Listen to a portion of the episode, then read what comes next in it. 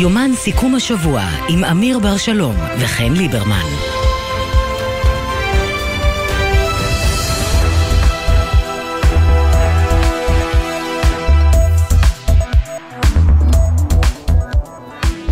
שוב ערב טוב, אמיר. מה שלומך? שוב ערב טוב, שבח לאל, ברכות לשואלת. יאללה הפועל, הלך לי החרוז, אבל יאללה הפועל זה חשוב. לפני שנדבר על עוד הרבה דברים אחרים, אני עדיין רוצה להתחבר רגע להצעת החוק הזאת של דרעי ולאמירה של נתניהו שממהר להרגיע ולהגיד שלא לא תהיה חצי שנת מאסר למי שיגיע עם שרוולים קצרים לכותל.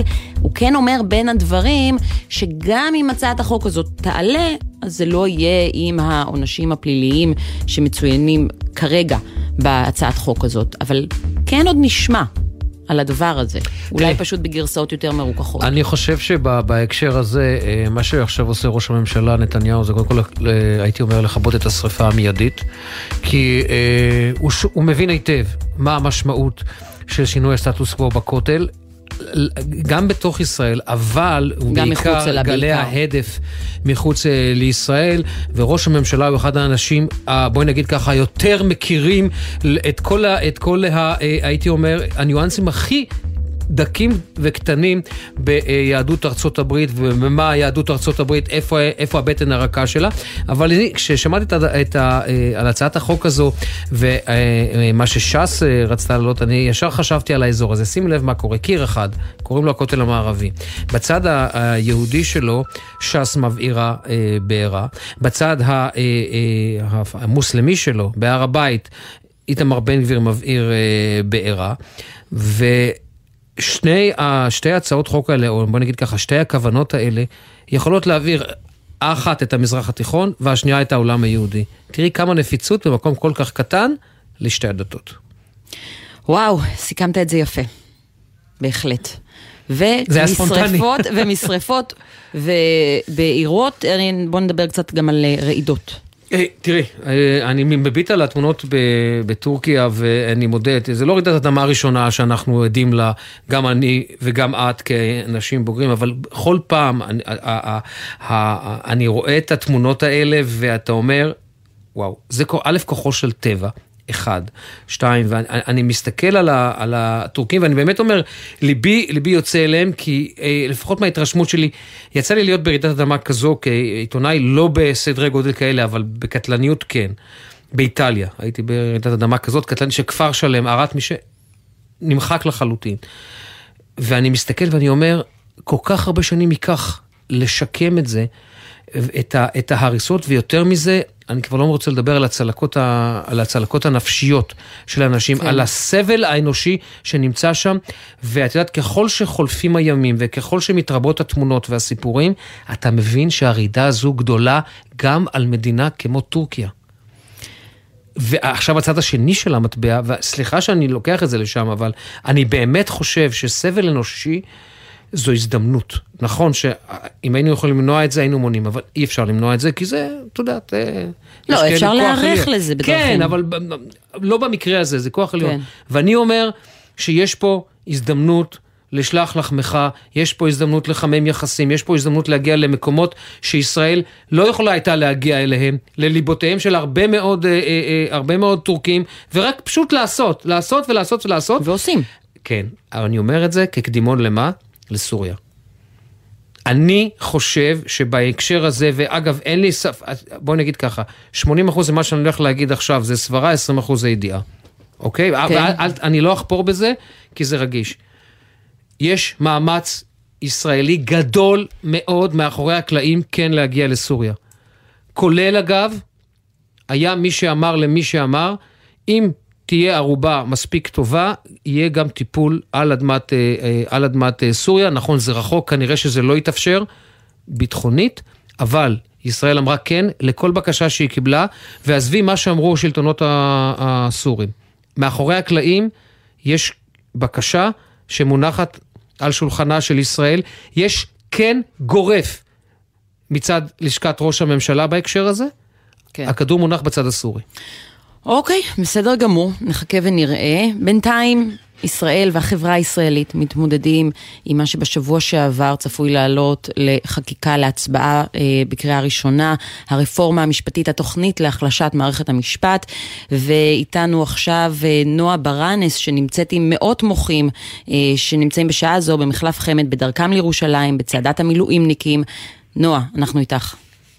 שלום חן ואמיר, צעדת המילואימניקים הגיעה למחלף חמד, שם עוד נמצאים מאות מהמפגינים שמוחים נגד הרפורמה המשפטית והפגיעה בדמוקרטיה לדבריהם. הצעדה יצאה הבוקר משער הגיא, דרך אנדרטת פורצי הדרך, ולבסוף הגיעו המפגינים למחלף, למחלף חמד. במהלכה המפגינים חסמו את שני הכיוונים בכביש אחת אה, לפני כשעה. מאז הכביש נפתח כמובן, אה, אירוע חריג נוסף שכן היה שם היום, כשעברו מוקדם יותר מתחת ליישוב קריית יערים, צעיר כבן 18, תושב בית שמש, יידה אבנים לעבר המוחים, חשוב להגיד, איש לא נפגע, והחשוד אה, נעצר, המשטרה פתחה כמובן בחקירה. מסע המחאה ימשיך מחר, ביום השלישי והאחרון לצעדה, כשיצאו המפגינים מעמק הארזים לכיוון בית המשפט העליון בירושלים. תודה, נועה. ועכשיו, אמיר, מתקבלת תגובה, תגובה של ש"ס לאמירה של נתניהו על כך שלא תהיה שום הצעת חוק כזאת שמטילה עונשים פליליים על לבוש לא הולם, ומש"ס מוסרים שהם מעולם לא התכוונו להטיל עונשים פליליים כאלה, מדובר בדמגוגיה זולה. סעיפים אלו הם העתק של תקנות הכותל משנת תשמ"א, והם היו מוסרים בוועדה. כל בר דעת מבין זאת, אז אנחנו לא הבנו זאת. יובל אז סגב... אז רק רגע, השאלה כן. למה ש"ס לא הסירה את זה כשהיא הניחה את הצעת החוק? אז בוא, בוא נשאל את יובל סגב. כל בר דעת היה מבין זאת, תסביר לנו. מה, מה קרה פה? זה, זה, זה, זה סיפור uh, קלאסי של הכל מטומטם, אוקיי? אני אתחיל רגע... וגם כולם אשמים. אבל כל בר דעת היה מבין זאת, יובל. לא, לא, כל, כל בר דעת שקרא את החוק וש"ס הגישו את החוק שהם ידעו מה רשום בו, ידע, ידעו אה, אה, שכתוב שם באופן ברור שמי שלא יתלבש באופן צנוע אה, מסתכן בחצי שנת מאסר, יכלו להגיש חוק בנוסח אחר. אבל בואו נלך רגע אחורה לאיפה כל האירוע הזה מתחיל. כבר שנים מתנהלת בין הממשלה והכנסת לבין בג"ץ אה, מין אה, פינג פונג לגבי עתירה של נשות הכותל, ובעצם בג"ץ כל פעם מבקש מהמדינה, תחליטו, תסדירו מה ההגדרות בכותל, למי יש את היכולת לאכול. לאכוף, מה אוכפים שם, מה מותר, מה אסור, האם נשות הכותל יכולות להכניס ספרים, האם זו החלטה של המדינה, של רב הכותל, המדינה.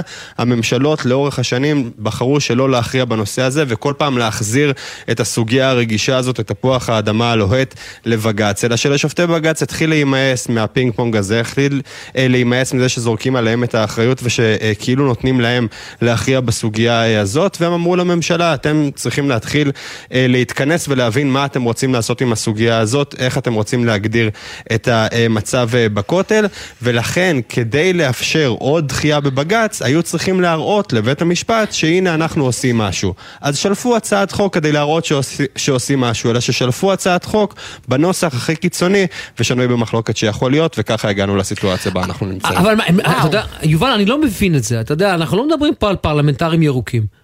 אנחנו מדברים פה על פרלמנטרים ותיקים, אתה יודע מה, אולי גם אה, הפוליטיקאים הכי משופשפים שיש. מה, הם לא הבינו את הנפיצות של הדבר הזה? הם לא הבינו שהם מניחים מטען צד? עכשיו, בוא, עזוב רק רגע את ההתרסה כלפי כולי עלמא כל העולם. זה התרסה כלפי ראש הממשלה. הם מצריכים עכשיו את ראש הממשלה לבוא ולומר לא כצעקתה. נכון, את זה, אגב, בעיניי זה כבר ברמת הפרשנות, אפשר לקשר לתחושת אה, אה, כוח ואיזושהי זכיחות שיש במפלגת ש"ס בזמן האחרון. העובדה שהם מרגישים שהממשלה מוכנה לעשות בשבילם הכל כדי להכשיר שוב את אריה דרעי נגד כל הסיכויים, והעובדה שעוד שנייה מפרקים את היכולת של בית המשפט להשפיע על זה וכולי וכולי. אז כן, כבר הרגישו שהכל אפשר והכל מותר והכל יעבור, ולא כל כך חשבו כשהניחו את ההצעה הזאת. להבנתי זה גם באמת הפתיע את אריה דרעי עצמו, שזה נהיה כזה אירוע, הוא אמר לח"כים שלו תטפלו בזה, והם שלפו שוב את ההצעה, פשוט ההצעה הלא נכונה, אה, וזה בעיה, וזה בעיה, אני חושב, באופן כללי, אה, בטח ברמה התדמיתית מבחינת הממשלה הזאת, גם מבחינת ש"ס, שתמיד התיימרה לייצג ככה את הציבור המתון והמסורתי, וזה שכן הולך לכותל ולא בדיוק מקיים את כל המנהגים מאלף ועד תף, אבל מרגיש שזה מקום שהוא בשבילו, ודווקא פה באמת הלכו על מידע אה, מאוד קשה עם האירוע הזה, יצטרכו שוב למצוא חוק אחר, נוסח מעט מרוכך יותר אולי, כדי לסגור את הסיפור הזה. הזה מול בג"ץ. אגב, אם אנחנו כבר מחברים את זה לרפורמה המשפטית, יכול להיות שבסופו של דבר לפחות תחסך לנו כל הסוגיה הזאת, כל הקומבינה השגרתית הזאת שעושים בהרבה מאוד נושאים, הפינג פונג הזה בין הממשלה לבג"ץ, זריקת האחריות, בגלל שבאמת הסמכות תישאר רק בידי הממשלה, כן. ולא יוכלו לפחות לזרוק את האחריות על בג"ץ, יצטרכו להתחיל להכריע בנושאים כאלה. אבל ההשלכות של רפורמה כזאת יהיו שאם אה, ש"ס כן ירצו לחוקק חוק, והקואליציה תזרום איתם, שמחוקקים חוק שכן מטיל עונשים פליליים על מי שבא עם חולצה קצרה לכותל, לא יהיה איך להילחם על זה בבג"ץ. במקרה הזה, חד משמעית, כן. אחת מיני דוגמאות. תודה, יובל. תודה, יובל. אנחנו עכשיו אה, לטורקיה, אליך, שליחנו שם, ואני לא אגיד את העיר, כי אני לא מצליח להגיד את השם שלה, שלום שחר גליק. קרמן מרש, זה השם של העיר שאנחנו נמצאים בה בטורקיה. כן, אז אה, באמת אה, כוחות אה, צה"ל פועלים פה כל השלושה ימים האחרונים כדי לחלץ כמה שיותר אנשים. לפני זמן קצר נשיא טורקיה ארדואן מודיע על עלייה במספר ההרוגים, סך הכל 16 אלף הרוגים רק כאן בטורקיה, ועוד כמעט 4,000 בסוריה. זה אומר אנחנו מאוד מאוד מתקרבים למספר 20 אלף הרוגים, והמספרים עוד צפויים לעלות ולעלות, הערכה בעוד עשרות אלפים שהם יעלו. במקביל, חוץ ממשלחת החילוץ הישראלית שהביאה כבר לחילוצם של עשרה אנשים בחיים, מספרים די גבוהים. יש גם את המשלחת הרפואית של ישראל, היא השתלטה על בית חולים ריק שם בקרמן מרש, אה, אה, בקצה השני של העיר, והיא אה, מתחילה אה, באמת אה, להפוך אותו למקום ש, אה, שאפשר ל, לקבל בו אה, פצועים.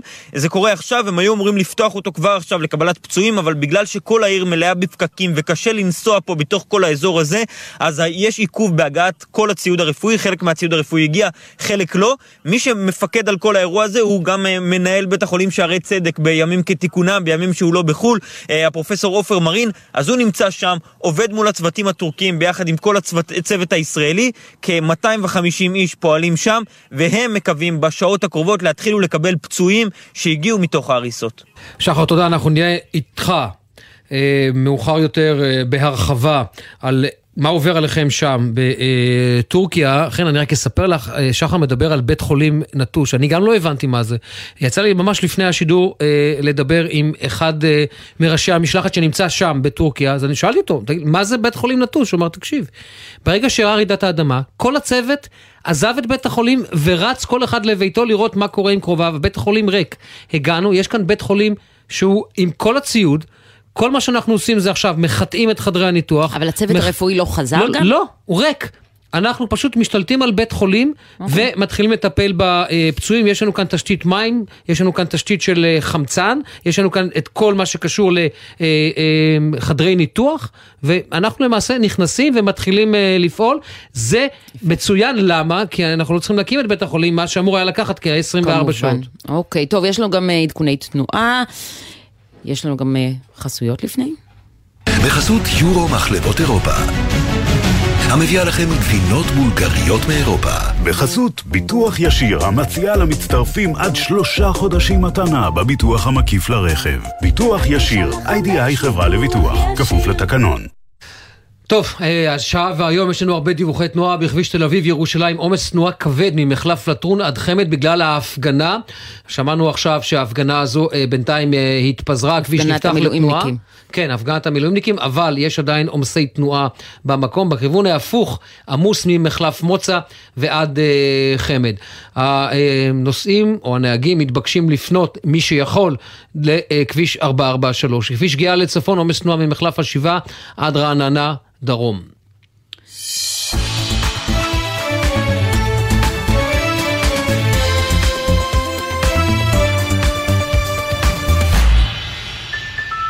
ואיתנו עכשיו חבר הכנסת דוד ביטן, יושב ראש ועדת הכלכלה, הליכוד, שלום, ערב טוב. ערב טוב.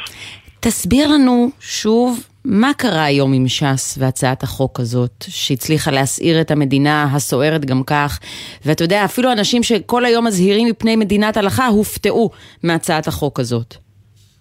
קודם כל, לפי התקנון של הכנסת, לכל סיעה יש מכסה של הגשת הצעות חוק פרטיות, והכל מגיע לוועדת שרים חקיקה. אה, אין לנו שליטה על מה כל סיעה מגישה, אבל בוועדת שרים חקיקה יש שליטה, אה, אפשר לחסום את זה, וזה מה שעשה שר המשפטים, שהוא חסם את ההצעה הזאת שלא תבוא לדיון. אבל ההצעה הזאת כן נמצאת בהסכמים הקואליציוניים? הבנתי שהיא נמצאת, לא ההצעה כפי שהיא, אלא שהנושא של הכותל יוסדר. יש גם בג"ץ שהוגש בעניין הזה, ובג"ץ לחץ לקבל תשובה אה, מה, מהמפלגה בעניין הזה, ולכן, מהרבנות כנראה, ולכן הם הגישו את זה. אבל כמובן שהליכוד לא יכול להסכים אה, לעניין הזה. אי אפשר להפתיע את הליכוד בכל מיני דברים. זה אריה דרעי שמפתיע את הליכוד, מה זה אומר על היחסים? זה הרבה יותר ממפתיע, זה מביך את ראש הממשלה שמצריך אותו להגיע ולהגיד, חברים, נכון, לא כך. נכון, זה המשך, המשך למשא ומתן הקואליציוני, שהמפלגות קיבלו כמעט מה שהם רצו, והם חושבים שבהתנהלות היומיומית הם יכולים לעשות מה שהם רוצים. אבל בשביל זה, ברוך השם, יש לנו את אה, יושב ראש ועדת שרים לחקיקה, הוא עדיין של הליכוד, ולכן אה, את זה יכולנו לחסום את זה. כלומר, מה שאתה אומר שזה המשך ישיר של הכניעה במהלך המשא ומתן הקואליציוני? של המ... לא אמרתי כניעה, את אומרת. של המשא ומתן הקואליציוני זה המשך ישיר. כי המפלגות האחרות צריכות להבין, הם לא יכולים להעמיד את הליכוד. גם הליכוד צריך להיבחר. גם הליכוד צריך לבוא עם דברים ל... ל... אה, לעם עצמו. הליכוד היא מפלגה מסורתית, עממית, ולכן אנחנו לא יכולים, אנחנו מייצגים את כלל הציבור, לא בו סקטוריאלי. אה, סקטור מסוים, ולכן אי אפשר להעמיד אותנו במצבים okay. אוקיי. כאלה. ואני מקווה שעם הזמן הם יבינו את זה, כי אחרת הקואליציה לא תחזיק מעמד. חבר הכנסת אה, ביטן, אפשר לומר שהאיום שלך עבד השבוע, נכון? בעניין אה, חבר הכנסת אמסלם לימים השר. אני לא יודע אם האיום שלי עבד או לא עבד, אבל אמסלם מגיע לו להיות שר. זה נושא שהיה צריך להיפתר. גם בשיחות שלי עם נתניהו זה עלה כל הזמן. ואני מרוצה שזה נסתיים העניין, ואמסלם תפס את מקומו בשולחן, על שולחן הממשלה. אמסלם מייצג חלקים רחבים מאוד מבוחרי הליכוד וממפקדי הליכוד, ולכן אה, זה דבר שהיה צריך להיפתר בדרך זו או אחרת. אני חייב לשאול אותך בעניין הזה משהו אישי מההתרשמות, אה, מההתרשמות שלך. משקעים יש, אין ספק, נכון? בין השניים, אתה יודע מה, בין שלושתכם. מכל מאבק, מכל מצב כזה, תמיד נשארים משקעים. גם אם יגידו לך שלא, תמיד יש משקעים. טוב, חבר הכנסת ביטן, אתה... שבאים לידי ביטוי בסיבובים אחרים. אה, רגע, רגע, רגע, מה אתה אומר? יבואו לידי ביטוי בסיבובים אחרים? שתמיד המשקעים האלה באים לידי ביטוי בסיבובים אחרים, אבל כרגע הנושא הזה היה צריך להיפתר, ואני שמח שזה נפתר. חבר הכנסת ביטן, אתה אמרת שמן הסתם כל חברי הכנסת של הליכוד מחויבים לרפורמה של אה, יריב לוין, אה, שתובא להצבעה כבר בשבוע הבא. אם הצד השני לא ירצה לבוא להידברות, אז הרפורמה תעבור כפי שהיא. על איזו הידברות מדובר? כלומר, יכול להיות שאנחנו עוד נראה שינויים עד שבוע ש... הבא? נכון, חברי הכנסת של הליכוד מחויבים לעמדות של הליכוד. מכיוון שזה הוגש על ידי שר המשפטים, אז חברי הכנסת יצביעו, כי אף אחד לא נבחר לבד אה, לכנסת. כלומר, אתה תצביע בעד התוכנית להחלשת מערכת המשפט. אני אצביע בעד, למרות שאני חושב, ואמרתי, שאני חושב שצריך לרכך את הרפורמה ולעשות מה שצריך על מנת להגיע לפשרה, כי משתי סיבות. הסיבה הראשונה, שהיועץ המשפטי של הכנסת אמר שאם הרפורמה תבוא כמקשה אחת, זה יחול רק מהקדנציה הבאה. אז לכן מה מה עלו חכמים בחכתם פה? זה לא נותן שום דבר. דבר שני, אה, יבוא, אנחנו לא נשלוט, לא נהיה בשלטון כל החיים, כשהם יבואו, הם ישנו אותה הפוך. ולכן, כל מה שיהיה בהסכמה, אה, במובן מסוים זה יישאר לאורך טווח. איזה סעיפים אתה חושב צריך לשנות? מה אתה חושב שצריך לשנות ברפורמה הזאת? יש, למשל, אפשר להגיע לפשרות. אני לא רוצה עכשיו לעשות את העבודה של שר המשפטים, אבל אפשר להגיע, ואני מזכיר לך שגם ראש הממשלה אמר במספר אה, מקומות שיהיו פשרות, וגם אה, יושב ראש ועדת חוקה אמר את זה היום ברדיו, שאין שום אה, כוונה להעביר אותה כפי שהיא, ויהיו פשרות ויהיו תיקונים. אבל בינתיים ממשיכים כרגיל. חלק, מה, חלק מהמשא ומתן בין אופוזיציה לקואליציה, וזה יהיה. עד כמה הקול הזה שלך, ועד כמה מה שאתה אומר לנו עכשיו, יהיו פשרות ואתה חושב שזה לא נכון להביא את הרפורמה הזאת as is, וככה רמזת בין הדברים שצריך ללכת... אבל אתה רואה, אתה רואה שמה שאני אומר, בסופו של דבר זה מחלחל, מדוע? א', היום שמעת את זה גם יושב ראש ועדת חוקה, ודבר שני, אמרתי ש... אבל לא, סליחה שאני קוטע אותך, חבר הכנסת ביטן, אבל לא שמענו את זה משר המשפטים, ונראה שהוא האגוז שקשה לפיצוח כאן. לא, דווקא האגוז הכי קשה זה דווקא יושב גם שמחה רוטמן הוא אגוז, אבל עדיין, מה, מה בדיוק, בסופו של דבר הוא ממשיך אני כרגיל. אמרתי- אני שום דבר לא גם- בוטל, שום דבר לא רוכך. לא, אני אמרתי גם שזה שהביאו את הכל כמקשה אחת, עשו טעות אסטרטגית וזה חלק ממה שקורה. וכבר שמעתם שרוצים לפצל את החוק, את החוקים האלה ולהעביר את זה לאט לאט. ולכן כן שומעים למה שאומרים, אבל לא מצהירים על זה. אתה יודע, פוליטיקה, זה פוליטיקה, זה לא מצהירים על זה ואומרים כן, אנחנו מסכימים עם הדברים האלה, עושים את זה בסופו של דבר. אבל אתה יודע מה, אני כן מתעניינת מבחינתך, הרי אם אתה חושב שהרפורמה הזאת לא טובה כמו שהיא, אתה כן אומר שאתה בכל זאת תצביע בעדה אם היא תעבור, אם, אם היא תוגש ככה כמו שהיא, כי, אתה, מה, אני כי יש לא משמעת נבחרתי קואליציונית. אתה מרגיש בנוח עם זה שאתה תצביע בעד תוכנית שתחליש את מערכת המשפט ולמעשה תבטל את הפרדת הרשויות בישראל רק בגלל משמעת קואליציונית? לא, לא, אני, קודם כל, כן, יש משמעת קואליציונית, אי אפשר ל... לבטל אבל הכל לא, הכל רגע, תחת משמעת אבל קואליציונית? אנחנו, אנחנו לא נגיע לזה. יהיה פשרה, ויהיה ריכוך, ואם זה יעבור בקריאה ראשונה, זה לא יעבור ככה בקריאה שנייה ושלישית. תמיד החוקים משתנים, וברור לכולם שצריך להגיע לאיזושהי פשרה. במה תלויה הפשרה. הזאת? בהידברות, יצטרכו לשבת ולדבר, וזה מה שיהיה. לא אז אתה אומר שהיא תלויה באופוזיציה? גם באופוזיציה, גם הם צריכים להבין שהם אה, לא בשלטון, ולנו יש מדיניות מסוימת שנלחמנו עליה לאורך שנים, והם צריכים לשבת איתנו. אבל אתה ולנסות מבין את הטענה. מהאופוזיציה שאתה לא מנהל משא ומתן כשמצמידים לך אקדח לרקה? כלומר, זו תוכנית לריסוק הדמוקרטיה הישראלית, נכון, ויש זה מצב לא שאתה אפילו לא, לא. מסכים איתי על האמירה הזאת, אבל אתה לא תוכל להגיד את זה ככה. אז אי אפשר לא, לנהל משא ומתן מול תוכנית כזאת. לא, קודם כל זה לא נכון, כי תמיד אה, בכנסת מגיעים להסכמות תוך כדי, לא מגיעים, עוצרים את הכל, ואחר כך מגיעים להסכמות. אז מה אתה אומר, שבתוכנית הזאת הכניסו עיזים כדי להוציא אותן? לא, זה לא קשור. אה, ברור לגמרי שצריך לעשות, ואמרתי לך למה צריך לעשות פשרות. צריך לעשות פשרה, וכי זה, אפשר להגיע להסכמות. אם אי אפשר להגיע להסכמות וכל צד יתחפר בעמדות, מה יצא, לאף אחד לא יצא כלום מזה. אבל אבל זה לא, אין פה סימטריה. מצד אחד, לא, רגע, מצד אחד, אנחנו, הליכוד וה- וה- והקואליציה צריכים להבין שיש מגבלות לכוח. מצד שני, האופוזיציה צריכה להבין שאנחנו ניצחנו את הבחירות האלה, הם הפסידו, ויש לנו רוב להעביר, להעביר את העניין הזה. ולכן, בגלל שיש לנו רוב, הם צריכים גם להתפשר ולהבין שהמאבקים האלה לא ייתנו כלום וצריך להגיע לאיזושהי הבנה. שני הצדדים צריכים לעשות את הצעדים הדרושים על מנת להגיע להסכמות. זה לא רק עניין... רגע, קואליציה, אבל האופוזיציה לא יכולה להבין. ולהצדיק ולהתפשר כשאתה אומר יש לנו רוב, בעצם לבטל את הדמוקרטיה הישראלית. נכון שיש לכם לא, את הרוב זה- לעשות את זה, לא, לא, לא, אבל הציפייה היא שלא תעשו את זה.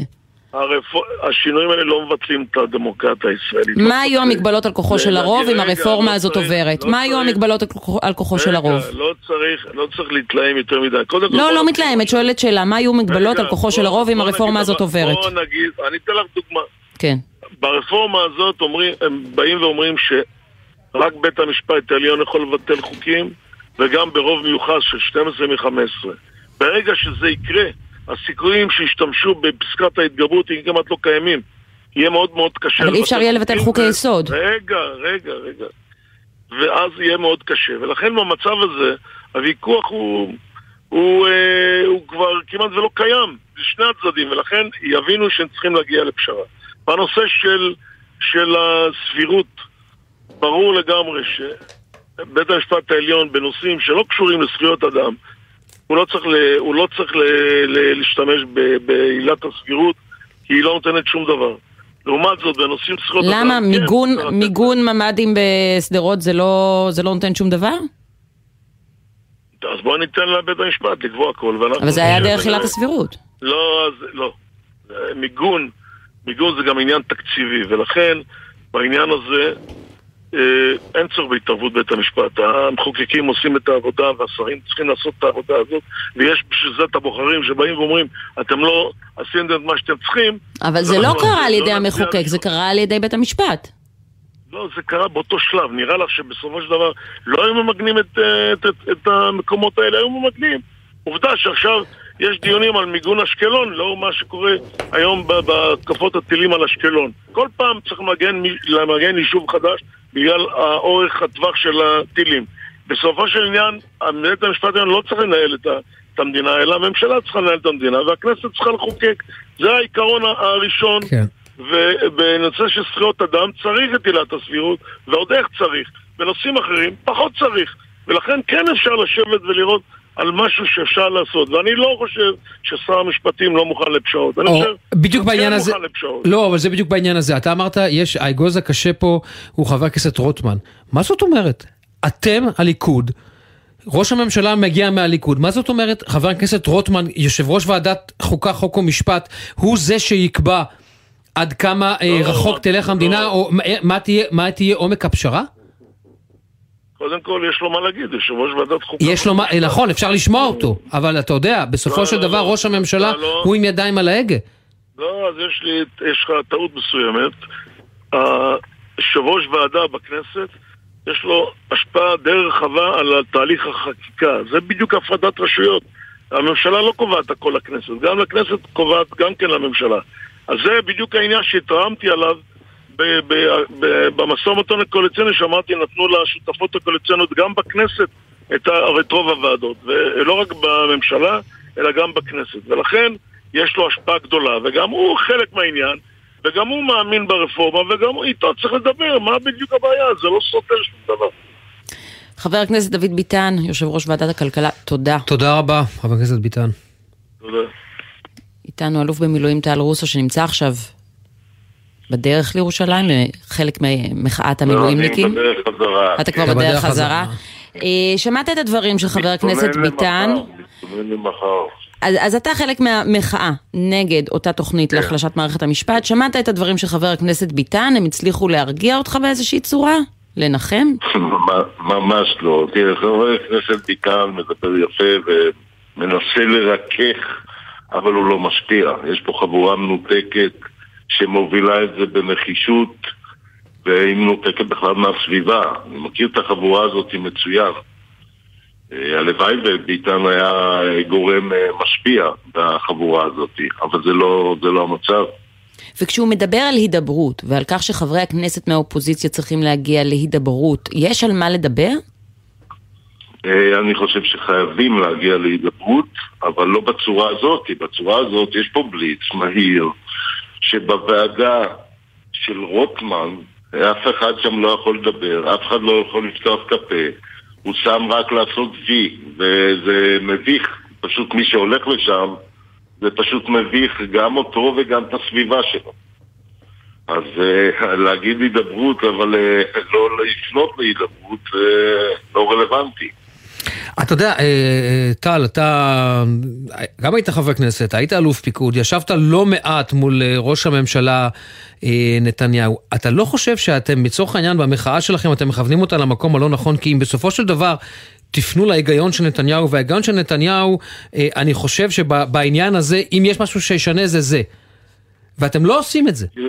זה מה? לא הבנתי. מה זאת אומרת? אני לא הבנתי מה... אני אגיד לך, אני אסביר לך, אני אסביר לך למה אני מתכוון. אני חושב שהמחאה שלכם, לצורך העניין, ושמעת עכשיו את חבר הכנסת אה, אה, דוד ביטן, זה נראה שיש היום בליכוד מי שמבין שצריך ללכת כאן כברת דרך ארוכה בפשרה אה, ובהידברות. כן, אבל חבר הכנסת ביטן הוא אחד. ואתם בסופו של דבר מתנפסים על הקיר הזה, מתנפסים על הקיר של חבר הכנסת רוטמן. תראה, אני, אני מפחד, אני מפחד, אני אומר לך, אני בחור אופטימיסט מטבעי. אני אומר לך שאנחנו ברגע היסטורי, רגע מסוכן, שלא היינו ברגע הזה בשום, בשום שלב ב-75 שנות אה, קיומה של מדינת ישראל. זה, ככה אני מסתכל על זה. ואני באמת אחד האופטימי, האופטימיסטים ביותר שיש. ולצערי, גם ביבי, אה, קשה לו להתערב בחבורה הזאת. הם מחזיקים אותו, לא אגיד לך איך, אבל אה, הוא האחרון שעוד יכול אה, איכשהו להשפיע על השלישייה הזאת, כי אני מכניס גם את סמוטריץ' שרוטמן נושא את בראש. נעשים ניסיונות גם מאחורי הקלעים, מלבד המחאות וההפגנות, נעשים ניסיונות מאחורי הקלעים לשכנע לפחות חמישה חברי כנסת, שאולי אפשר לדבר אה, לליבם ולדבר איתם נגד הרפורמה הזאת, להצביע נגד? תראי, אני ראיתי את ההתנהלות של הליכוד כבר בכל החמש, שש שנים האחרונות. אה, אני לא ראיתי אף פעם שבסוף אני מרגיש כמו שהם כמו עדר כבשים. אה, והבעיה שאנחנו מצטרפים אליהם לאסון שהם רוצים להביא עלינו. וזה מסוכן מאוד. יצא לך לחשוב, אם המהפכה המשפטית הזאת עוברת כמו שהיא, אה, תהיה לה השפעה על אה, כוחו של בג"ץ כמובן, על כוחו של בית המשפט העליון, ויכול להיות שתהיה לה גם השפעה על החלטה של בית המשפט הבינלאומי, הפלילי הבינלאומי, כן לפעול אה, נגד קציני צה"ל. לדבר הזה יכולה להיות השפעה ישירה גם עליך ועל חופש התנועה שלך.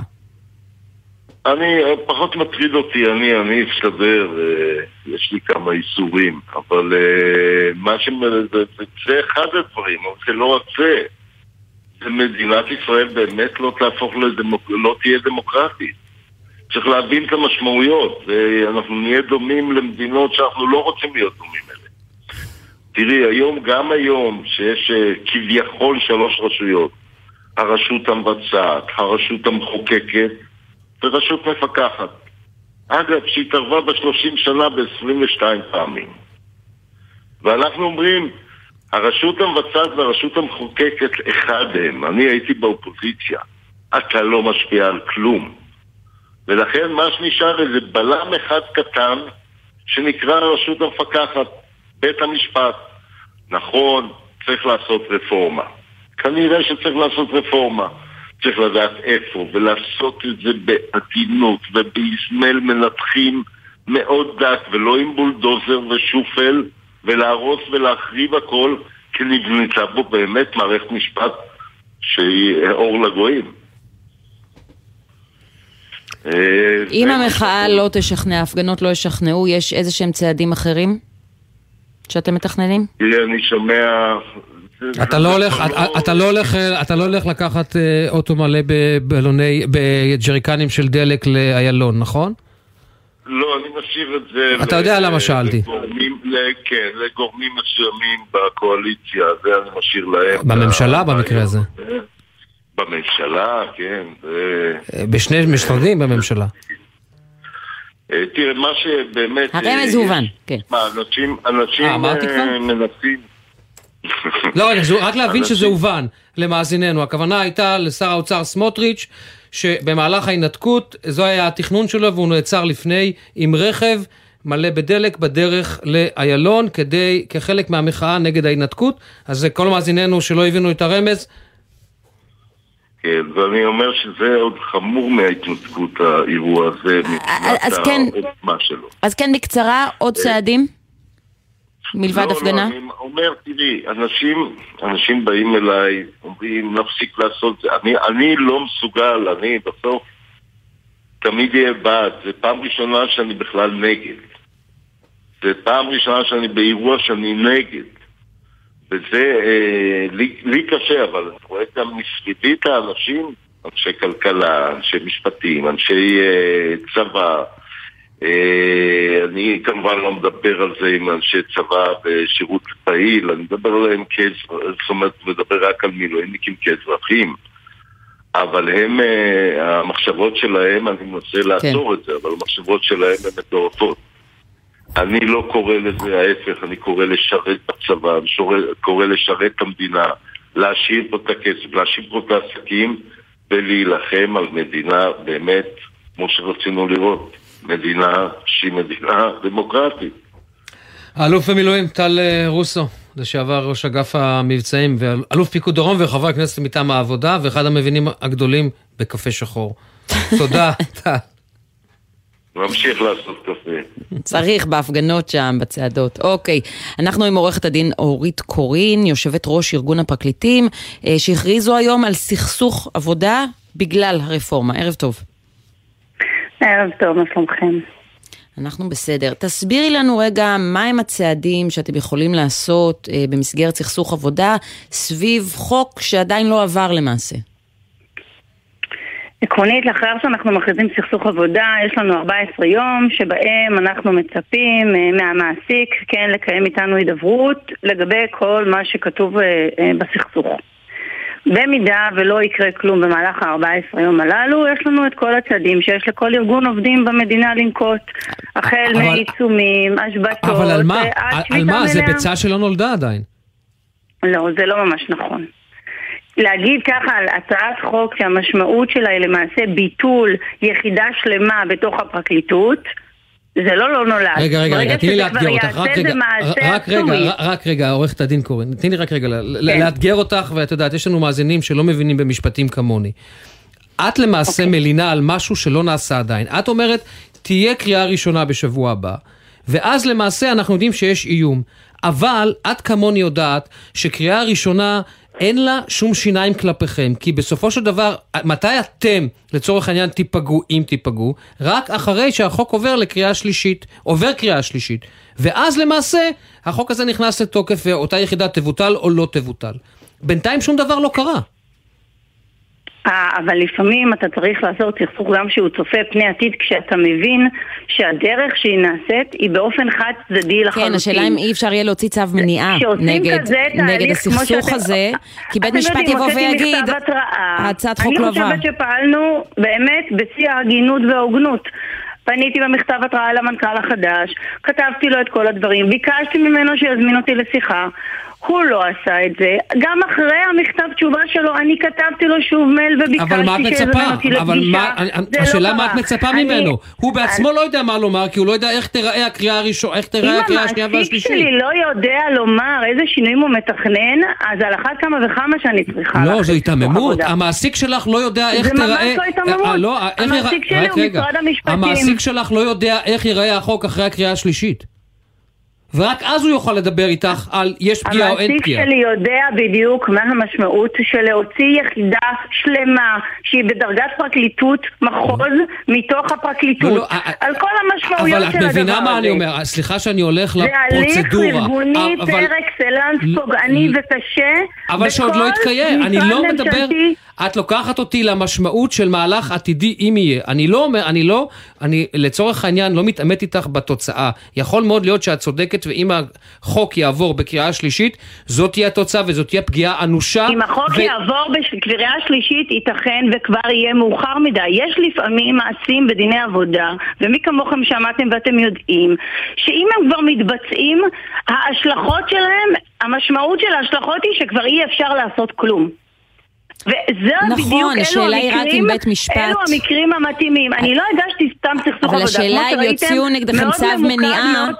השאלה אם יוציאו נגדכם צו מניעה, בית משפט לא תהיה לו ברירה אלא לאשר את צו המניעה הזה בגלל שהחוק עדיין לא עבר.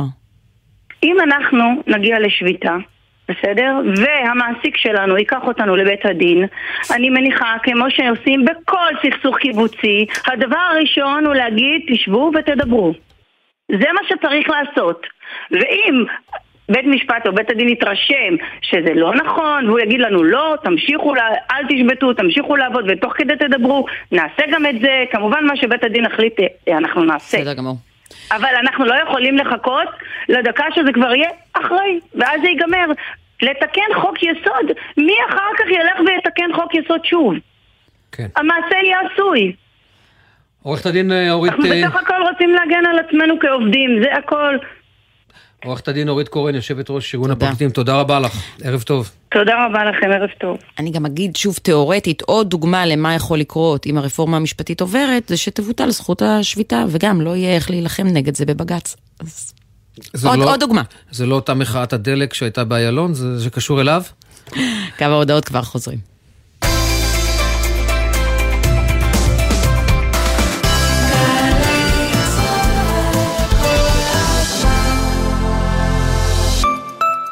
עקב רעידות האדמה חשוב להכיר את ההנחיות. בזמן רעידת אדמה, הכי בטוח לשהות בשטח פתוח. אם אינכם יכולים לצאת בתוך שניות אחדות, היכנסו לממ"ד או צאו לחדר המדרגות. הורידו את יישומון פיקוד העורף לקבלת התראה על רעידת אדמה חזקה. מגישים ועדת ההיגוי הבין-משרדית להיערכות לרעידות אדמה, רשות החירום הלאומית, משטרת ישראל ופיקוד העורף. חופשה רומנטית בחורף? בואו לירושלים. פברואר של אהבה בירושלים. תרבות ומסעדות בחוויה ירושלמית אוהבת וחורפית. מגוון הטבות בבתי המלון ובאטרקציות ברחבי העיר. לפרטים iTravelJerusalem.com אתם מרגישים שהקריירה עומדת במקום? הנה ההזדמנות להגיע רחוק יותר. מצטרפים לתעשייה הישראלית, הקולטת אלפי עובדים ועובדות במגוון תחומים, ונהנים מתנאים מעולים, תפקידים מעניינים, קידום, שכר גבוה, והכי חשוב, ביקוש תמידי שיכול להבטיח עתיד יציב ובטוח. תעשייה ישראלית, קריירה מרתקת, מתחילה כאן. לפרטים חפשו ברשת תעשיינים בישראל, משרד הכלכלה והתעשייה והתאחדות התעשיינים בישראל. משרד התחבורה מציג נתיב פלוס 2. במקום שלושה נוסעים, הנסיעה מותרת לשניים ומעלה. בכביש 1, ממחלף דניאל ועד מנהרות הראל. שימו לב, הנתיב פועל בימים א' עד ה' בין 6 וחצי ל-9 וחצי בבוקר, ובשישי בין 12 ל-5 אחר הצהריים. ביתר שעות היממה, הנסיעה חופשית לכולם. עוד מידע באתר. מגיש משרד התחבורה. בכל חמישי בחצות. שלום לך, שחר אמנו. לילה טוב, בן. מה המצב? זה הזמן. במזרחית. בן פראג' ושחר אמנו מארחים את אומני הזמר המזרחי המובילים לילה טוב לאורח שלנו דוד זיגמן, ישי לוי, יוסי גיספן, שגיב כהן, חיים מוליאל, סמי לזבי עם מוזיקה שמזכירה נשכחות והשיחות אל תוך הלילה. מי מגילה את זוהר? עכשיו הזמן במזרחית, הלילה בחצות, גלי צה"ל. כל שבת ב-10 בבוקר, יורם סוויסה לוקח אתכם למסע מוזיקלי. והשבוע, מסע עם עידן רייכל, לכבוד יום האהבה. רייכל, אני לא רואה אותך משתף את האהבה שלך ברשתות החברתיות. תראה, בגדול, אני חושב שמי שמתחתן באינסטגרם, מתגרש בטיקטוק. מסע עם יורם סוויסה, שבת 10 בבוקר, ובכל זמן שתרצו, באתר וביישומון גלי צה"ל. עכשיו בגלי צה"ל, אמיר בר שלום וחן ליברמן. אנחנו חזרנו. חוזרים עכשיו, כן, חזרנו 5.42, אה, זה תמיד, את יודעת, זה לנהגים שאין להם את השעון בלוח השעונים. אנחנו עכשיו אה, חוזרים לטורקיה, ואיתנו נמצאים שליחינו ברבים לשם, צביקה אליהו ושחר גליק, שלום חברים. שלום, שלום, ערב טוב. אז תראו, אני לא, לא נדבר עכשיו על, על, על בגדול, אני רוצה שתספרו לי, אתם, מהרגע שאתם ממריאים מישראל, עד הרגע שאתם מגיעים, ל, וכתבתי, לעיר קרמן מרש, מרש, נכון? קרמן מרש? אמרתי נכון? קרמן מרש, בדיוק. קרמן מרש. אני רוצה שתספרו לי על הדרך, והבנתי שהיה לכם גם סוג של לילה לבן. כן, תראה, אנחנו בסוף פחות או יותר 24 שעות אה, חלפו מאז שהמראנו בנתב"ג ועד שהגענו לכאן, מרחק אה, שבדרך כלל אמור לקחת כמה? שעתיים טיסה, משהו כזה, אבל טיסות ישירות הן והכל פקוק, אז טיסה עד לאיסטנבול, משם טיסה לאדנה, אה, אה, משם רכב ופקקי ענק עד, ל, עד ל, בעצם קרמן מרש וכל האזור הזה של גזיאנטפ ואיפה שבעצם ה, המפגעים העיקריים של uh, רעידת האדמה. נסיעה של שעתיים uh, ורבע לפי הקילומטר ולבסוף חמש, חמש שעות, יותר חמש וחצי שעות. שעות כדי להגיע לאדנה. עכשיו בסיטואציה ל... כל כך... כן. קרמן מרש. קרמן מרש. אה, בסיטואציה כל כך כאוטית, אתם אה, בטח מוצאים את עצמכם מתפקדים לא רק כעיתונאים שמדווחים, אלא גם כעוד יד. חד משמעית. חד משמעית. הבוקר... אני הנהג של אה, שחר. לא, אבל אה, מעבר באמת לפעילות לא שלנו. לא רק אחד לשני, צביקה. בשביל גלי צה"ל. הבוקר הגיעה בקשה מיוחדת. הבוקר הגיעה אליי כן. בקשה מיוחדת אה, ממנהל בית חולים שערי צדק, אם הוא יכול להתלוות אלינו, והאם נוכל להסיע אותו לסיבוב בתי חולים באזור כדי לחפש אה, בית חולים שאפשר יהיה לפתוח את הבית חולים שדה. כי אם היו צריכים לפתוח בית, אה, בית חולים שדה עם אוהלים, זה היה לוקח, הוא אומר, כחמש ימים בערך. כן. מאז בעצם תחילת האירוע הזה, כן, היה לפחות מחר בערב, אם לא אחרי, כלומר, היו מקבלים חולים. אתם, מוצ... אתם מוצאים את עצמכם היום נוהגים באזור הזה שאתם נמצאים בו עם מפקד המשלחת הרפואית, פרופסור מרין, ומחפשים בית חולים כדי לפרוס בו את בית החולים הישראלי? בדיוק, ובתוך בתי החולים אנחנו, קודם כל כשאנחנו נכנסים בלובי, אה, אנשים ישנים במזרונים, המון המון המון אנשים ישנים, כי בתים כבר אין להם, רחובות שלמים הרי אה, נהרסו פה, ופשוט רואים בית חולים, דיברת על זה בת- בתחילת התוכנית, פשוט רואים בית חולים שלם, אתה יודע, עמדות של קבלה ועמדות המתנה מחוץ לחד, לחדר אה, אה, אה, טיפול של הרופא, ופשוט אין איש בתוך המקום הזה. כלומר, הצוותים הרפואיים לא חזרו לשם. נכון, הם, אה, חלקם אגב נהרגו, צריך לומר, אה, באסון הזה, אה, וחלקם אה, בני משפחה שלהם נהרגו או שנמלטו אה, מסיבות כאלו ואחרות. ו- ובין השאר הבדיקות שעשינו, חוץ מהאם יש את הציוד המתאים והאם המקום מתאים אה, לנהל את זה, אנחנו אה, מלווים אה, משלחת של כמה בעצם אנשי, אה, אה, אנשי אה, אה, צה"ל, ש, אה, שבודקים גם מבחינה הנדסית, האם המבנה הזה לא עומד לקרוס גם הוא. זאת אומרת, הקירות נרא, נראים סדוקים בחלק מבתי החולים שהיינו בהם. ורגע, אה, אה, אה, אני, רוצה, אני רק רוצה אה, להבין, צביקה, אתם אה, במהלך, אתם נמצאים כבר, זה היממה השנייה שלכם באזור הרעש, נכון? נכון. ואתם, אה, בתי מלון יש? איפה אתם ישנים? אין פיזית. בתי מלון.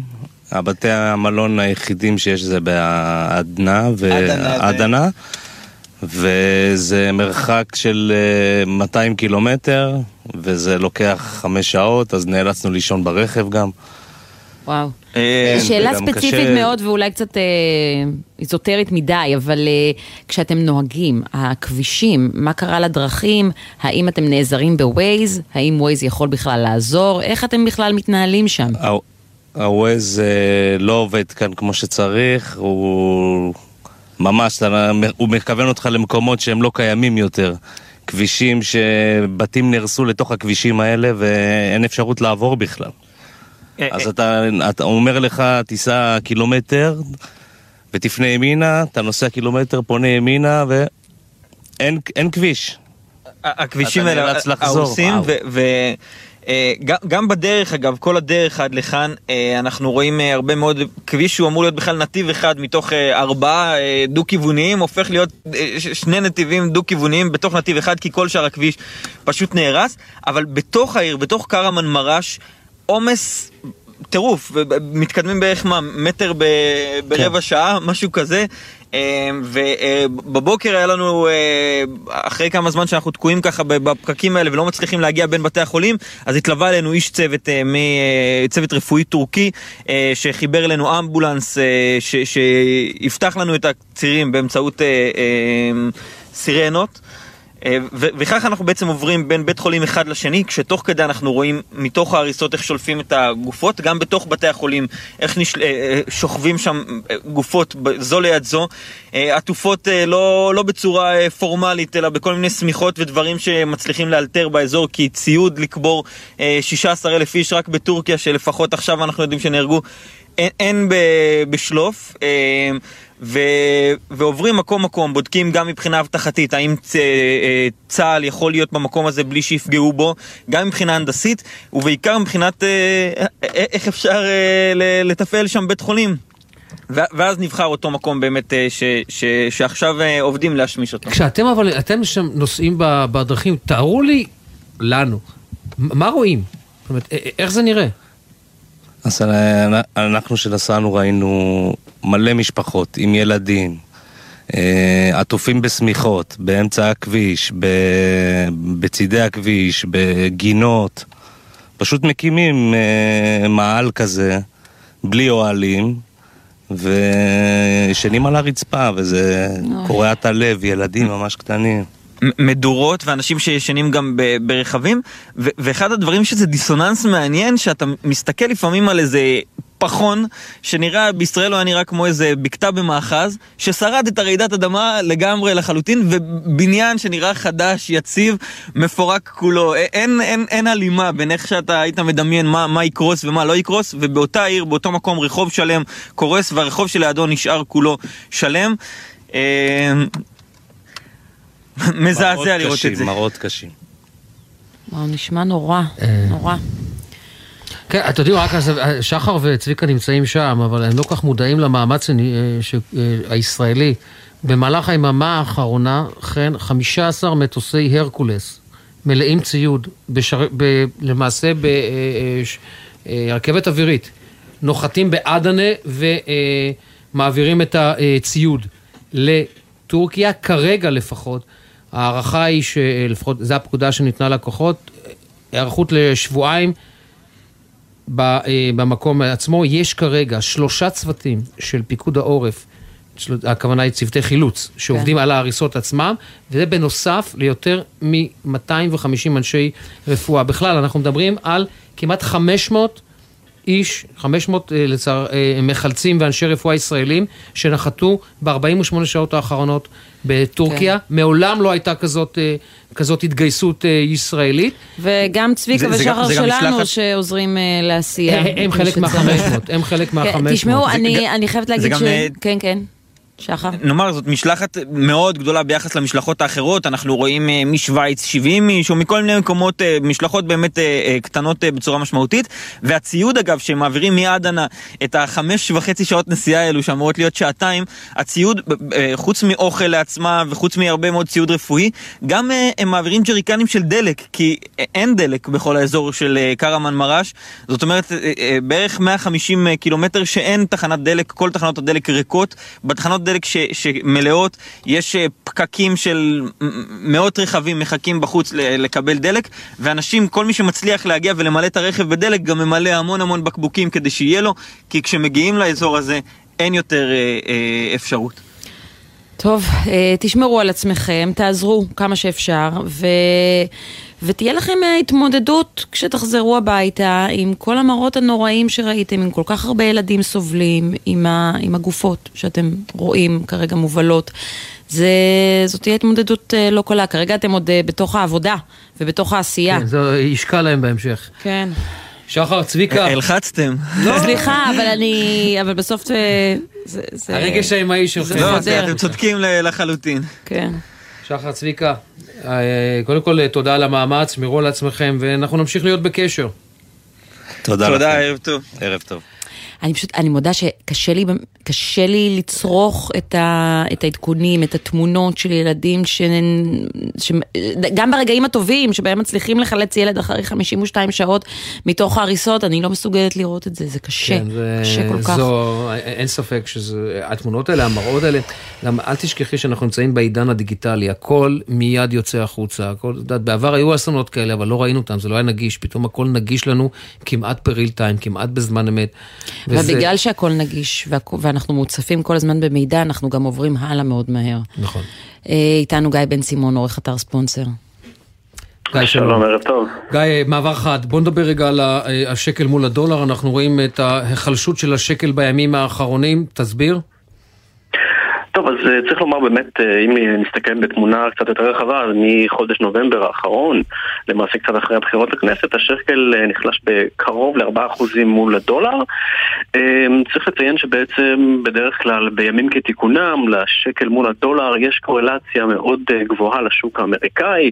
כאשר השוק האמריקאי עולה, גם הנכסים של כספי הפנסיה שלנו שמושקעים מעבר לים, גם הערך שלהם עולה. אז כנגד זה, בעצם הגופים שמנהלים לנו את הפנסיה צריכים למכור פה אה, דולרים, ובהתאם לכך השקל אמור להתחזק. אבל אנחנו לא רואים את התופעה הזאת. עכשיו, ראינו שהבנקים הזרים העלו המלצות, אה, בהמלצות שלהם לגבי השקל, הם עדיין מציינים כמובן שהכוחות הבסיסיים של השקל, שתומכים בשקל חזק, הם עדיין פה, אבל באותה, באותה נשימה הם מציינים את האפשרות ואת החשש מההשלכות של הרפורמה המשפטית. אבל צריך לעשות סדר בין כל הכותרות שהיו בשבוע, בשבועיים האחרונים לגבי אה, חברות ההייטק שהצהירו על להזזת כספים, לא זה מה שפוגע בשוק המטח. אני חושב שצריך להעמיד את הדברים על דיוקם, כי המשקיעים הזרים, עם כל הכבוד, הם לא קוראים את ה... הם לא מקבלים את החלטות ההשקעה שלהם על סמך כותרות בעיתונות הכלכלית פה בישראל, אלא הם מסתכלים על בעצם התנהלות הגופים הפיננסיים ובראשם בנק ישראל כמובן. אז אם נלך שבועיים אחורה, שלושה שבועות אחורה, אנחנו רואים שהיה לנו את חבר הוועדה המוניטרית של בנק ישראל, משה חזן, שהתפטר ועבר לצד של המחאה. אנחנו רואים גם את ה... ראינו את האזהרת של הנגיד, שהוא חזר מכנס דאבוס והזהיר את נתניהו כן. מהשלכות הרפורמה. אז אלו בעצם הדברים שמייצרים כותרות אה, בעולם, ואלו בעצם אה, הגופים ש, שמצטטים את ישראל לוקחים את, ה, את הכותרות האלה כ, אה, ככותרות מהותיות. על סמך הכותרות האלו, המשקיעים הזרים אה, לוקחים את, אה, את ההחלטות שלהם. אבל, אגיא, אנחנו אבל לא רואים... ואני מאוד אשמח אם תגיד לי מתי, אה, מתי אה, בפעם הבאה יתפרסם דירוג האשראי של ישראל. לא ראינו עד עכשיו שום ביטוי לזה, נכון? בדיוק. היום פרסמנו אצלנו סקירה בלעדית של S&P העולמית על מערכת הבנקאות. עכשיו, שאלתי אותם, רגע, איך זה יכול להיות? המערכת הבנקאות אגב חזקה, והם מסמנים שם את גורמי הסיכון, שזה נושא אחד, זה נושא ענפי. אבל שאלתי אותם, רגע, אין פה שום התייחסות לרפורמה? כן טוב, רע, איך אתם מתעלמים מדבר כזה? ואמרו לי שם ב-S&P שבעצם אנחנו מתייחסים לדירוג המדינה רק בדוח הרבעוני של המדינה, שזה יצא רק בחודש מאי. נכון להיום. היום אין שום שינוי, וגם אם אנחנו נסתכל בעצם על הרפורמה, עדיין לא החל שום הליך של חקיקה. אז הרגע, ברגע שיחל ולאחריה, אז אנחנו נראה התייחסות ו- ו- של גופי הדירוג, וכמובן אי אפשר ולאורך הדרך אה, לשפוט את, אה, את, את מה שקורה עד שאין החלטות אה, קריטיות. אבל אתה אומר שבגלל ההצהרה של אמיר ירון, אה, כן... שמו לב לזה, כן שומעים את זה, השאלה אם זה גרם לאיזה שהן החלטות. אם היו לזה השלכות. תראו, אז אחד הדברים שבאמת... עשר שניות גם. קשה להצביע על, על תנועות כספים, ש, על החלטות שמשקיעים לוקחים, אבל הנגיד הזהיר את, ה, את נתניהו בחדרי חדרים, לא יצאה הודעה רשמית של בנק ישראל, כן. אבל כן יש הסטת כספים, זה עדיין לא דרמה, אבל נקווה שלא נגיע לשם. גיא okay. בן סימון, עורך אתר ספונסר, תודה רבה לך, אתה שומע את המוזיקה. שבת שלום. שבת שלום. אחרי, מיד אחרי מהדורת אחרי החדשות נהיה עם עומר בר-לב, על הסדרה החדשה סיירת מטכ"ל. כבר חוזרים.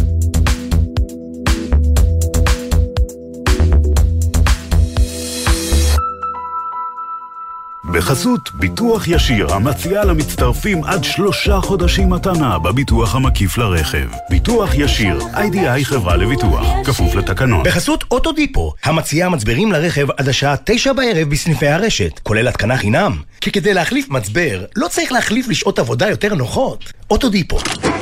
מה נשמע, נשמע, סוף השבוע,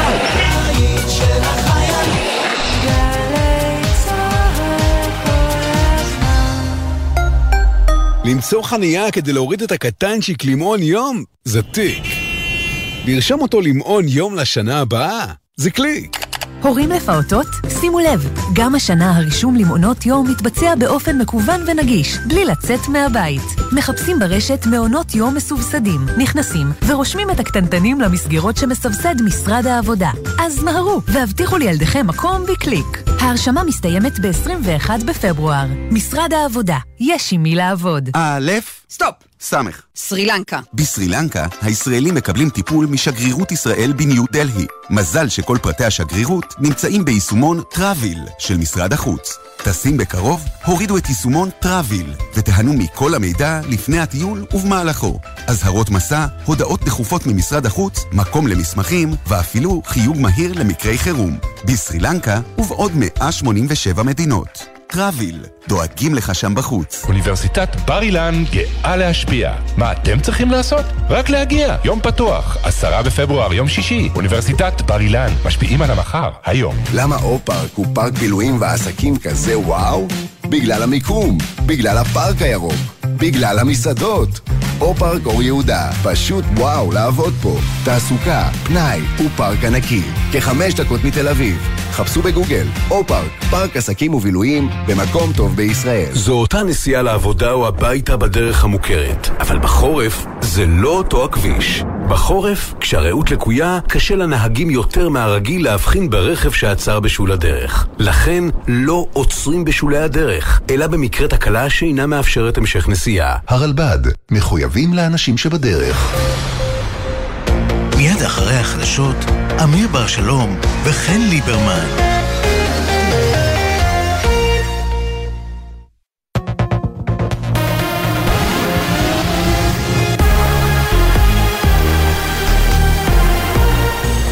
גלי צה"ל השעה 6, שלום רב באולפן מתן לוי עם מה שקורה עכשיו.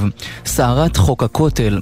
לאחר הצהרת ראש הממשלה נתניהו לפיה הסטטוס קוו יישמר והחוק לא יעלה להצבעה, במפלגת ש"ס מגיבים, מעולם לא התכוונו להטיל עונשים פליליים. כתבנו הפוליטי יובל שגב. במפלגת ש"ס מנסים להתחמק מהצעת החוק שהעלו מוקדם יותר היום. לטענת אנשיו של אריה דרעי, היה צורך להביא חוק שימנע את הדיון בבג"ץ על זכויותיהן של נשות הכותל במקום הקדוש, ופשוט נבחר נוסח חוק שגוי. בהמשך צפויה הממשלה להביא נוסח מרוכך יותר, שימנע מבג"ץ לפסוק לטובת נשות הכותל מחד, ומנגד לא יטיל עונשים חמורים על הציבור. עם זאת, בהודעת ש"ס לא מוסבר מדוע בחרו באופן מודע דווקא בנוסח החוק המחמיר. חבר הכנסת דוד ביטן מהליכוד אמר ביומן סיכום השבוע בגלי צה"ל, חברי ש"ס חושבים שהם יכולים לעשות מה שהם רוצים. שהליכוד לא יכול להסכים. זה המשך למשא ומתן הקואליציוני, שהמפלגות קיבלו כמעט מה שהם רצו, והם חושבים והם יכולים לעשות מה שהם רוצים. המפלגות האחרות צריכות להבין, הם לא יכולים להעמיד את הליכוד, גם הליכוד צריך להיבחר. אנחנו מייצגים את כלל הציבור, לא פה סקטוריאלי, אה, סקטור מסוים, ולכן אי אפשר להעמיד אותנו במצבים okay. כאלה, ואני מקווה שעם הזמן הם יבינו את זה, כי אחרת הקואליציה לא תחזיק מעמד.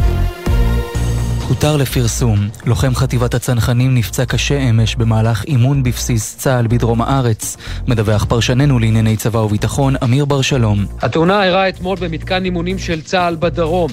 החייל נפגע מנתז בראשו במהלך תרגיל באש חיה. הוא טופל במקום והועבר אחר כך במצב קשה לטיפול בבית החולים. הודעה נמסרה למשפחתו. ממשל ביידן הכריז לבלון המעקב הסיני הייתה יכולת ניטור אותות תקשורת. בהודעת מחלקת המדינה האמריקנית נמסר כי הבלון הצטייד בטכנולוגיית מעקב והיה חלק מצי בלונים של צבא סין שחג מעל יותר מ-40 מדינות ברחבי העולם. ארצות הברית בוחנת כעת הטלת עיצומים כתגובה להפרת ריבונותה, חרף הכרזת הנשיא ביידן שהציע כי יחסי ארצות הברית-סין לא ייפגעו בשל התקרית. רעידת האדמה בטורקיה וסוריה, מספר ההרוגים באסון בשתי המדינות חצה את רף 20 אלף הנספים. במקביל, משלחת ישראל לטורקיה פועלת לפתוח את בית החולים שדה בשעות הקרובות. מדווח שליח גלי צה"ל לטורקיה, שחר גליק. נשיא טורקיה ארדואן הודיע על עלייה במספר ההרוגים בעקבות רעידת האדמה. כ-16 אלף הרוגים אותרו כאן באזור ועוד קרוב ל-4,000 נספים בסוריה. המספרים צפויים להמשיך ולגדול בעוד עשרות אלפים. במקביל, משלחת הסיוע הישראלית מתעכבת בתחילת הפעלתו של בית החולים שדה באזור בשל קשיי שינוע הציוד הרפואי. הצוותים פועלים בבית חולים שננטש במקום ומנסים להפוך אותו לשמיש כדי להצליח לקבל פצועים בהקדם האפשרי. מזג האוויר קר מהרגיל במהלך הלילה צפויים גשמים מקומיים בצפון הארץ, בחרמון ובצפון רמת הגולן צפוי לרדת שלג קל.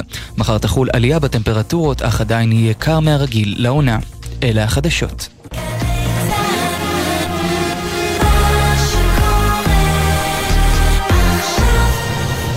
בחסות הפניקס סמארט, המעניקה עד 45% הנחה בביטוח המקיף. כוכבית 5432, או חפשו הפניקס סמארט בגוגל. כפוף לתקנון המבצע, הפניקס חברה לביטוח בע"מ. בחסות יורו מחלבות אירופה. המביאה לכם גבינות צהובות מאירופה.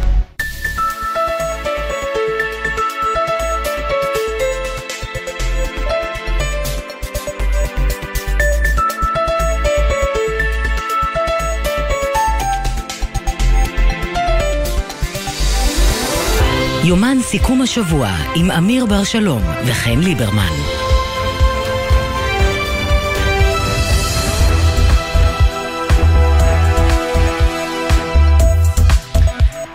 חזרנו לשעה שנייה של יומן סיכום השבוע של גלי צה"ל, שש וארבע דקות. תודה רבה לך, אמיר, על התה. אה, מה, מה הטעמים היום? קינמון? אני מנסה, לה... הצלחת? אני לא מצליח. לא. רגע, ניקח שלוק רגע ואני אנסה לפענח את זה. חכו, חכו לזה. אמיר מנסה לפענח את אה, טעם התה שהוא עצמו הביא, אתה לא יודע מה אתה מביא. משהו פירותי קינמוני, נשמע כמעט כל שמדברים על היין, את יודעת. כן, פירותי, אדמתי.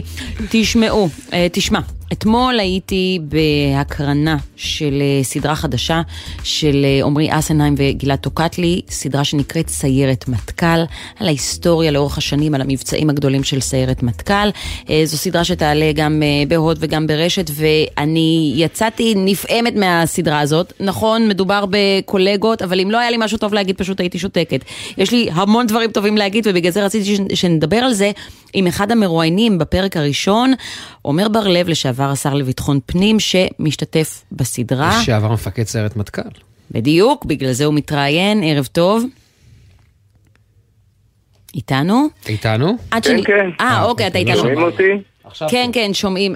תשמע, אני רוצה לומר שקודם כל, מה שכל כך מפעים בסדרה הזאת, אה, מלבד הסיפורים המרתקים, אה, סיפורי המתח האלה, זה שרואים את אה, נתניהו, את אהוד ברק, אותך, אה, את בנט, כולם מתראיינים, וכשחושבים על מה שקורה מחוץ לסדרה, על מה שקורה במציאות היומיומית שלנו, על כך שמדובר באויבים מושבעים כיום, שנמצאים כרגע במלחמה מאוד קשה על אופייה של המדינה, ולחשוב ולהיזכר בזמנים שהייתם באותה קבוצה. אה, כן, זה, זה, זה באמת נכון. אה, נדמה לי, אני לא זוכר אם זה עמרי אסנהיים או טוקטלי בדברי פתיחה שלהם, בדיוק דיברו על, ה, על העניין הזה, איך, אה, איך כולנו היינו אז לא רק שבאותה סירה, אותם ערכים הם שינחו אותנו, ליוו אותנו וכן הלאה, ואיך ברבות השנים אנחנו מוצאים את עצמנו משני שני, uh, צידים, צידיו של מתרס, כאשר ההבדל העקרוני הוא בערכים שבהם אנחנו, uh, עליהם אנחנו נאבקים היום. בדיוק, עכשיו נגיד, שר הביטחון יואב גלנט גם היה אתמול בהקרנה, אתם, אתם מדברים? אתם, יש עדיין יחסים בין אישיים לנוכח כל מה שקורה? אני לא, לא, לא ראיתי את uh, יואב, אני מניח שאם היינו נפגשים אז היינו מחליפים מילות uh, ברכה. Uh, אני חושב שחלק מה... מהמאבקים שלו היום בתוך הממשלה, לא לפצל את uh, משרד הביטחון, הם, uh, אין לי ספק שבאותו אולם שראינו את ההקרנה יש קונסנזוס מלא סביב העניין הזה. Uh, אבל, אבל מעבר לזה... Uh, כן, אבל בסוף הוא חלק מקואליציה שמקדמת את התוכנית להחלשת מערכת המשפט. תהיתי פשוט, ישבתי בשורות האחוריות ותהיתי מה קורה שם בשורות הקדמיות בין בנט לגלנט ואתה וכל מי שעוד היה שם. תראי, אני... בנט ישב בדיוק מאחוריי. אני חושב שאחד הדברים המאוד... מאוד מוצלחים בממשלה שהוא היה ראש הממשלה ואני הייתי שר בה, שלמרות אה, פערים אידיאולוגיים אה, מאוד אה, ברורים וחזקים בינינו, הערכים היו אותם הערכים ולכן הצלחנו לעבוד בצורה מצוינת ביחד, וזה, וזה מה שחסר היום, זאת אומרת, פערים אידיאולוגיים בסדר, אה, אה, כנראה בכל חברה יש, ובוודאי בחברה כמו שלנו, שעם עם, אה, כל אה, שאלות המאבקים הלאומיים, גם הפנימיים וגם עם אה, הפלסטינים וכן הלאה, אבל זה ש... הערכים, מה זה אמת, מה זה נכון, מה זה דמוקרטיה, אה, מה זה הפרדת רשויות, שעל זה אה, אין הסכמה, זה דבר ש... ש... ש... ש... שלצערי הוא, הוא אופייני ל... ל... לממשלה הנוכחית ו... וזה פשוט אה, לא יאומן מה, מה שקורה. ולכן יש את כל המאבקים הנוספים ש... שאפרופו חלק מהמילואימניקים של סיירת מטכ"ל באמת אה, לוקחים בהם חלק והובלה כולל המסע שעכשיו מתנהל אתמול, היום ומחר לבית המשפט העליון, מסע מחאה. ופעולות נוספות אנחנו לא, אנחנו לא נוותר על הערכים האלה על הערכים שלאורם גדלנו, שלאורם נלחמנו ושהם אה, ערכים אוניברסליים בסופו של דבר. בוא נדבר, בוא נחזור רגע לסדרה, עומר, ונדבר על זה, אתה יודע, הפעילות של סרט מטכ"ל זה אחת, ה, אחת הסודות, ה, בוא נגיד, הכי שמורים פה במדינת ישראל. עד כמה אתה מרגיש נוח עם כל מיני סיפורים כאלה שיוצאים החוצה, ויש שם סיפורים גם שמראה שסרט מטכ"ל, יש גם הרבה תקלות בדרך. כמו המבצע שעליו פיקדת ושמופיע בפרק הראשון. אז ראשית, לשמחתנו הגדולה אין הרבה תקלות. אבל ברור שברגע שיש uh, תקלה, מכיוון שהמבצעים הם כל כך מורכבים וכל כך uh, מסוכנים, אז כל תקלה כזאת יכולה באמת uh, uh, להוות כדור שלג שמידרדר ו- ועלול לגרור, להסתיים במלחמה. בעצם זה שאף אחת מהתקלות האלה שהיו בסרט מטכ"ל. אתה יודע מה, אני אשאל אותך עכשיו שאלה במרומז, וסלחו לי המאזינים שאני לא יכול לדבר על פרטי הדברים. אה, נכון, לא פעם קורה שמאחור אה, אה, נמצא מפקד בכיר, לא משנה כרגע, אני, כדי לא לחשוף, לא, לא נאמר אם הוא קצין או לחילופין בעל תפקיד, ומקדימה, מי שנמצא עמוק בתוך כפי האויב, זה לפעמים קרוב משפחה מאוד מאוד מאוד קרוב, ופעולות כאלה יכולות להסתבך ומסתבכות. תראה, אני לא יודע בדיוק למה אתה מתכוון, אבל יודע שאבא שלי היה שר ב... בממשלתה של uh, גולדה מאיר ואני, ואחרי זה רבין ואני, ואני uh, ביצעתי מבצעים אז uh, אני לא מקנא בו מה עבר עליו, כן? אה, אבל אתה יודע... המקרה שלך זה מקרה אחד ויש עוד מקרה אחד, יש עוד מקרה אחד מפורסם, אני לא יכול נכון. לחשוף. אתה יודע על מי אני לא, מדבר. לא, נכון, לכן אני אומר, בישראליות שלנו, שאתה יודע, מעגלים נפתחים ונסגרים כל הזמן, דברים כאלה אה, מתרחשים, כל מיני דברים שאולי במקומות אחרים, במדינות אחרות הרבה יותר גדולות אה, לא קורים. כן.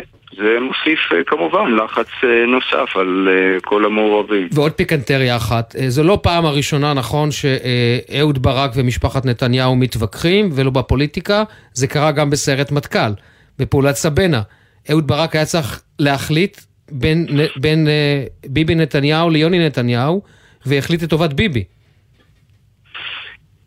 תשמע, ראשית זה היה לפני שאני הגעתי ליחיד, זאת אומרת הייתי אז כבר ב... היית במסלול, נכון? ביחיד.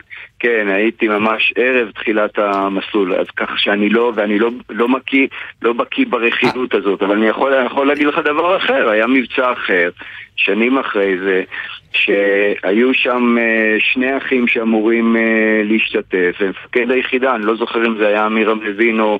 או נחמיה תמרי, החליט מי מהם משתתף ומי מהם אה, לא השתתף. זה, זה, זה קרה מספר פעמים ב, בתולדות היחידה, אז... וכמובן לאותו, לאותו אח שלא השתתף זה היה משבר מאוד גדול. אז רק אני אספר למאזינים, כי אנחנו לא מדברים פה בס, ב, ב, בסודות ובקודים. בפעולת סבנה, אה, הצוות של ביבי נתניהו היה אמור אה, לפרוץ פנימה, ואז הגיע יוני נתניהו ואמר, גם אני נכנס.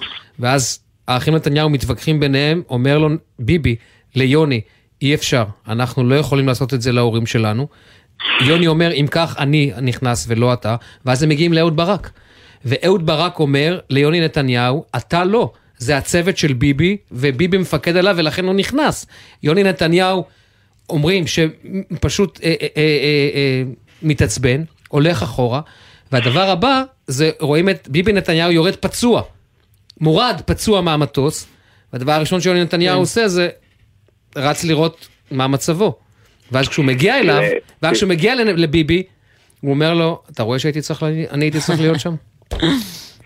תראה, אה, בואו רגע לא נתבלבל. ראשית, כל הפרטים שאתה מספר, אני שומע אותם פעם, פעם ראשונה. זה לא אומר שהם לא נכונים, כן? אני תקרא את לא... הביוגרפיה של... אה, השאלה אם הם עברו צנזורה. כן, אז לא, לא קראתי את הביוגרפיה של ביבי, אבל בואו לא נתבלבל. לא, לא, לא, אה, של מזל מואל. לא, שנייה, שנייה, עוד, עוד משפט. הסדרה, הסדרה הזאת, עם כל הכבוד לנתניהו, שהיום הוא ראש הממשלה, החלק שלו בהיסטוריה של היחידה הוא מאוד מאוד מצומצם. כמו של הרבה מאוד אה, מפקדי צוותים שיש אה, עד היום אולי מאות כאלה, ולכן כשאנחנו מסתכלים על, אה, על, על, אה, גם על הפרק הראשון, עצם זה שהוא ראש ממשלה היום, אז כמובן החלק, הוא, הוא הופיע יותר פעמים בסדרה. אבל אם אנחנו מתמקדים ב, ביחידה עצמה, מורכבת מלוחמים ומפקדי צוותים אה, מאות ועשרות על פני, פני השנים, שבאמת אה, כמעט תמיד עשו מעל ומעבר. תראו, אני מודה שאני, בגישה שלי, ואני חושבת שזו גישה בריאה, לכל אזרח במדינה יש אותה זכות אה, להביע ביקורת אה, ולהילחם על אופייה של המדינה, ואף פעם לא אהבתי את זה שאנשים שהיו אה, קרביים בצבא אה, נותנים להם זכויות יתר במובן הזה של להביע ביקורת. אבל, אחרי שראיתי את הפרק הראשון, ואחרי שאת רואה ושומעת על ההתמודדות באמת עם ההקרבה האמיתית, ההקרבה של החיים שלך, כלומר, אתה נכנס למבצע, ויכול להיות שלא תחזור, ויכול להיות שהמשפחה שלך תהיה אומללה לעד אה, על אובדנך, אז, אה, אז צרם לי כשאני מודעת לעובדה שהרבה מהאנשים שהיו בסיירת מטכ"ל ועכשיו משתתפים אולי במחאת המילואימניקים, הרבה פוליטיקאים שהיו שם ועכשיו צריכים אה, לריב עם אותם פוליטיקאים שמקדמים רפורמות כאלה ואחרות, היה לי עצוב שאותם אנשים שמבקרים את המדינה אחרי שהם הקריבו כל כך הרבה למענה, נתפסים ויש מי שיגידו עליהם בוגדים. זה, זה פתאום צרם לי וצבט אותי ואני מנסה להבין מה השתבש. אז רגע, רק לפני שאתה עונה, רק לפני שאתה עונה, משפט אחד לדברים שלך, חן. כן. לי הרבה יותר צורם שיש בקבינט מי שירים אצבע ולא היה, לא שירת בצבא ולא היה לו ילד בצבא. בבקשה, עומר. תראו, אה, אתם נוגעים כאן בנקודה מאוד מאוד אה, רגישה ומאוד אה, מאוד אישית שלי. כשאני מגיע אה, לזירת הפיגוע טרור בבני ברק, אה, לפני אה, שנה, אולי אפילו פחות משנה, ועומדים שם מאות חרדים וצועקים לי, בוגד, בוגד, בוגד, ובשביל לצאת מהזירה אני צריך אה, 25 יס"מניקים ש, שיסתובבו סביבי ויגנו עליי, או לחילופין, אה, שמענו את... את אה, בני גנץ לפני, גם לפני מספר חודשים, מספר שהוא הגיע לכותל וקראו לו בוגד וכן הלאה. אז כן, משהו, משהו מאוד חמור השתבש. גם היום... או השר אה, לביטחון לאומי בן גביר, כשאתה היית השר לביטחון הפנים, גם הגיע לזירות. ו- בחדרה, כן, זה- בחדרה. וצעק לעברך כן, דברים. כן, אבל זה, זה, זה דבר, זה מהלך כל כך פופוליסטי ונמוך שלו, שאני אפילו לא, אני לא רוצה להתייחס אליו. אבל אני מדבר על ציבורים גדולים. היום הייתה, היום היה היום השני של צעדת המילואימניקים לירושלים, ועל כביש אחד זרקו עליהם אבנים. זה פשוט לא יאומן. חרדי אפשר בן 18. להתווכח, אפשר לא להסכים, כן, אפשר לא להסכים, אבל לזרוק אבנים על מילואימניקים ש... ש... שוב, אני, אני בהחלט גם מסכים איתך, כל אחד, אה, כל אחד מאיתנו הוא אזרח, ואחד היה לוחם והשני לא היה לוחם, ו- ובמובן הזה הזכויות הן שוות לחלוטין. אבל כן אבל היה בזה עדיין- משהו שקצת צורם יותר, אני מודה. צורה, הרגשתי את זה על, ה... הרגשתי את זה על, ה... על הבשר שלי, מה שנקרא. כן, טוב. אם לא יהיה לנו משהו אחר, לפחות תהיה לנו קצת אה, נוסטלגיה בסדרה הזאת, סיירת מטכ"ל שמשודרת, אמרתי כבר, ברשת ובהוט. עומר בר-לב, תודה רבה. עומר, תודה. תודה רבה, ערב טוב. הנושא הבא שלנו, אנחנו מרחיקים, אה, קשור כך או אחרת. אה, ל- הכל, הכל קשור. את אוהבת את ברצלונה? הייתי שם פעם אחת, אמ, אהבתי בעיקר שכונה ספציפית אחת, והים שם, חופי הים שם מאוד נחמדים. אה, לא אהבתי את כל אזורי הקניות. אה, לא אהבת את ה vibe. לא אהבתי את התיירותיות, זו, זו הרגישה עיר שכל כולה אה, מיועדת ומתועלת לטובת התיירות, וזה הורס את האותנטיות של פשוט אה, להרגיש חלק מהעיר ו- ולהתחבר לתושבים. אבל יש את שכונת ברצלונטה, וזו שכונה נהדרת, שאני יודעת גם, מאוד תיירותית, ויש שם כל מיני מופעי רחוב לתיירים, אבל שם זה הרגיש קצת יותר אותנטי מעוד סניף של זרה. אז למה, כן. אז למה אני שואל אותך? כי ברצלונה הודיעה אתמול על ניתוק היחסים, ברצלונה העיר, ניתוק היחסים כן. עם אה, ישראל בגלל האפרטהייד בשטחים, ולצורך העניין אנחנו אומרים שלום וערב טוב לרודיקה רדיאן גורדון, שגרירת ישראל בספרד. ערב טוב. קודם כל, מה הן ההשלכות הפרקטיות של אה, ניתוק זמני כזה? אמ, האמת היא שלא מאוד ברור, ואני הייתי רוצה לדייק.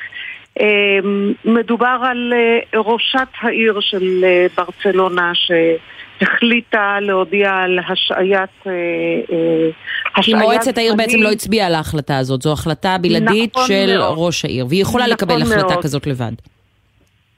אמ, זאת החלטה שהתקבלה בצו ולא ברור בדיוק מה היה ההליך. עכשיו, מה שכן ברור זה שראשת העיר ככל הנראה לא הצליחה או הבינה שהיא לא תצליח להשיג רוב להעברת ההחלטה אה, כמו שצריך בהעלאה ב, אה, בישיבה של אה, מועצת העיר ולכן היא הזדרזה. ולמעשה מה שקרה ב-24 השעות שעברו מאז זה שאנחנו רואים גינוי גורף אה, כמעט מכל המפלגות אה, על, אה, על המגוון הרב של הקשת הפוליטית, בוודאי מהמפלגות המרכזיות והגדולות, גם בברצלונה וגם אה, אה, מחוץ לברצלונה, מהחברה האזרחית. אפילו אה, אזרחים רגילים שמתקשרים ושולחים מסרים לשגרירות. איך שהם, ממשלת ספרד מגיבה אה, לדבר? בדיוק, החשוב פה זה לא מה עושה הרחוב, זה מה אומר- מה אומרת הממשלה או מה ראש אה, הממשלה. תראו, ממשלת ספרד היא, או ספרד היא מדינה מאוד מאוד מבוזרת, והחלטה של ברצלונה כרגע אה, אנחנו לא שומעים אה, אה, אמירות נניח מה, מהרמה הפוליטית של ממשלת ספרד, אבל אנחנו יודעים שמשרד החוץ הספרדי פה עמל רבות יחד עם uh, הרבה גורמים בתוך, uh, uh, בתוך ספרד בשביל למנוע את קבלת ההחלטה הזאת. Um, יצא הבוקר uh, מאמר בחתימת מי שהיה עד לא מזמן הסגן של ראשת העיר שאמר שאחרי הבחירות והבחירות uh, לרשויות המקומיות תהיינה בסוף מאי כן. הוא יעשה את הכל אבל בשביל ספרד הרשמית, להחזיר את ה... כל מה שאת מתארת זה מסביב. ספרד הרשמית אמ, לא אמרה כלום. ספרד הרשמית כרגע לא ברמת אה, ראש ממשלה, לא, לא ברמת שרים, מכיוון ששוב, הביזור והממשל המקומי פה הוא חזק. זה בגלל... ביזור לא, לא מפריע ל- להצהרה, כלומר להצהרה של או תמיכה בהחלטה של ראש העיר אה, ברצלונה, או. התנגדות להחלטה, אבל איזושהי אתם- אמירה לכאן או לכאן. אנחנו מקבלים אמירות מאוד ברורות מהמפלגות, ברמת המפלגות. אבל האם זה אוקיי. ברמה ההצהרתית? אה, בוודאי שזה ברמה ההצהרתית. שוב אני אומרת, לא ברור אה, מה הערך המעשי של, אה, של ההשהיה של הקשרים. מכיוון ש... אה, זאת אומרת, ביום יום ישנם קשרים אה, מאוד אה, חזקים ומאוד טובים בין, אה, בין ברצלונה לבין אה, ישראל ברמות שונות, כן? אז שוב, בגלל זה אה, שפתחתי עם השאלה, ברמה המעשית, איך זה הולך להשפיע? כי את אומרת שיש קשרים, ועכשיו היא לא אומרת ברור. שיש ניתוק של, הז... של הקשרים האלה. אז נכון, איזה קשרים, נכון. אז מה הולך להתנתק? תראי, אני חושבת שההצהרה הזאת היא פוליטית במהותה. ברור. Uh, המהלך הוא פוליטי במהותו, והוא... זה ברור. אני מקווה, אה, אני מקווה שהוא לא יהרוס לאף... uh, uh, נניח אנשי עסקים ישראלים או, או uh, ספרדים שיש להם uh, קשרים, יש להניח שלא. Um, זה ללא ספק מהלך של, אה, של BDS וכאמור, מכיוון שזה מהלך שקרה איכשהו ברמה של... אה, למרות שאני כן אבהיר שראש העיר ברצלונה כן אומרת שהם אה, ימשיכו לשתף פעולה עם ארגונים שפועלים למען סיום הסכסוך. כלומר, הם לא אה, גם ארגונים ישראלים. כלומר, היא לא מחרימה ישראלים באשר הם, אלא בעצם רק את מדינת אז, ישראל. אז בואי אני אגיד לך שהתגובה הטובה ביותר, או, או התשובה הטובה ביותר לאמירה הזאת, התקבלה דווקא מה, אה, מהקהילה היהודית, שגינתה את, ה, אה, את המהלך הזה ומתנתקת לגמרי מ... אה, אה, מהמהלך, מראשת העיר, היה אתמול טקס שהיה אמור לציין מאה שנות חיים משותפים ושיתופי פעולה עם הקהילה היהודית, והקהילה היהודית פשוט קמה ועזבה באמצע הטקס, כאות מחאה.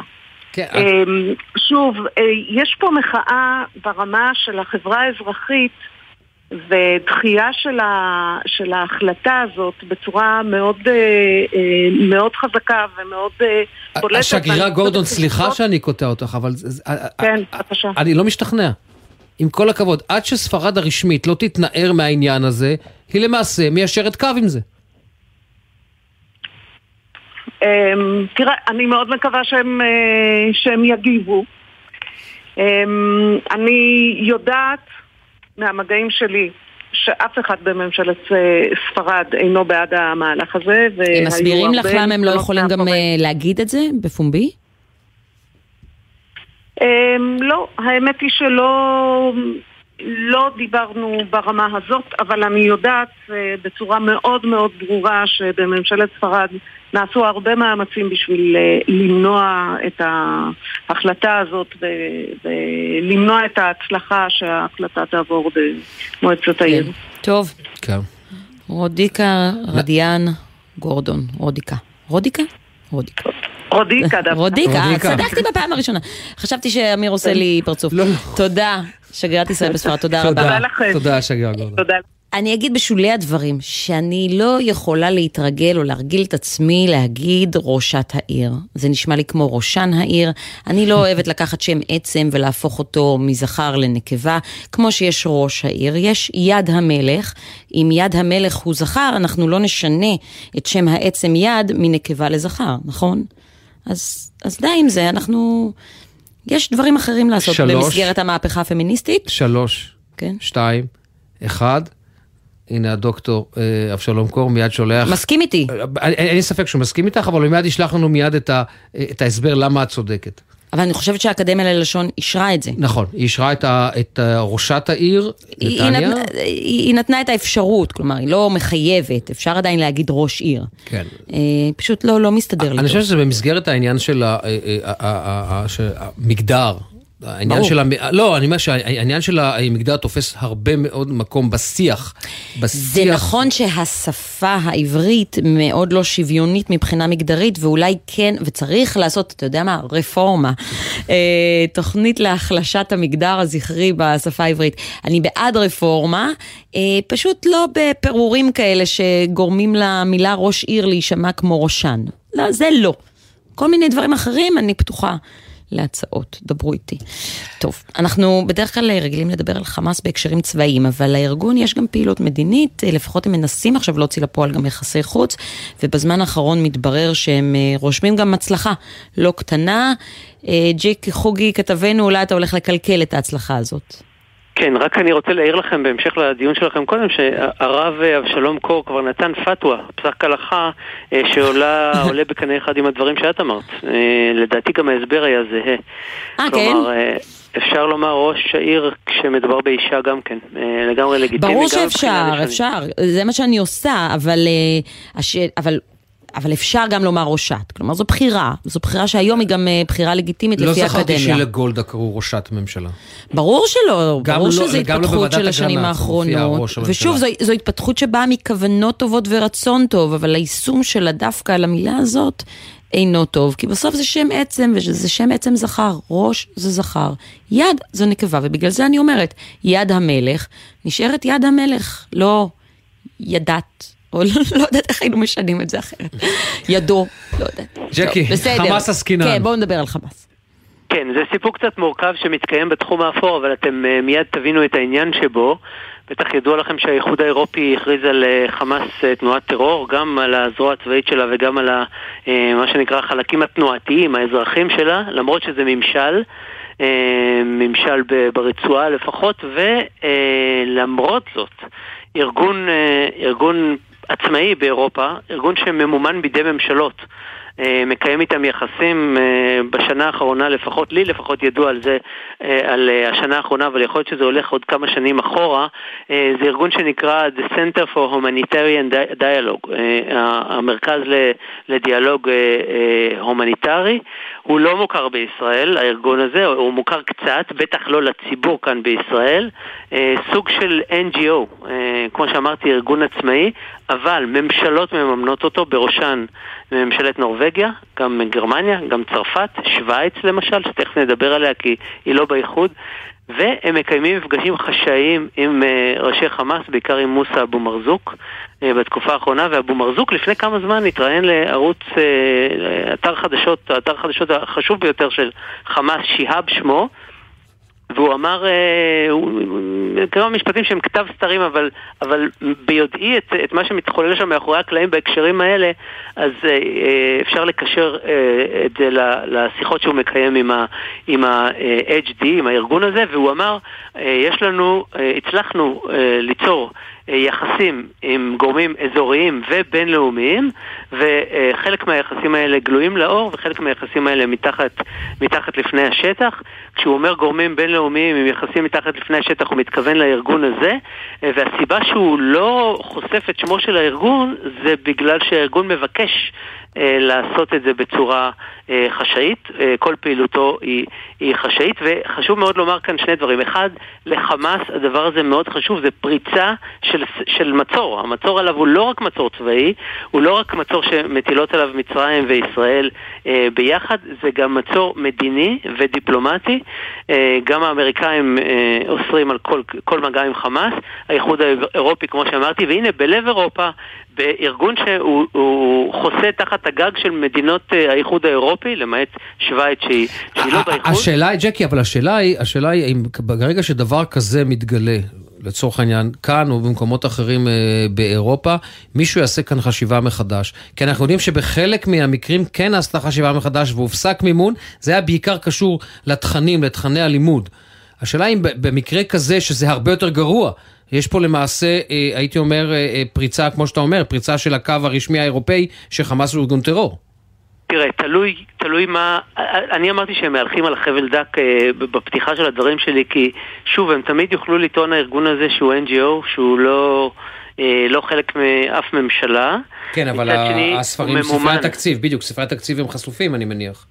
אז, אז כאן תלוי אם כבר אנחנו הולכים למה לעשות, אם מדינת ישראל תחליט אה, לעשות מזה רעש, או לנקוט אלו שהם אמצעים, זה כבר עניין ש, שנתון להחלטתה של מדינת ישראל. מה שאנחנו אומרים, כבר זה א', אנחנו שמים את זה על השולחן, זה דבר שהוא לא ידוע, וגם אה, אנחנו, אני רוצה להפנות את תשומת לבכם שוב לעניין הזה של חמאס מנסים כל הזמן, כל הזמן, מה שחשוב להם ביותר הרי בכל הרמות זה לגיטימציה. וכאן, ברגע שיש להם איזשהו פתח צר ושער לאירופה, והארגון הזה לא סתם מקיים מפגשים עם אבו מרזוק והחברים שלו, הוא מעביר את המסרים ואת התובנות מראשי חמאס לממשלות האלה.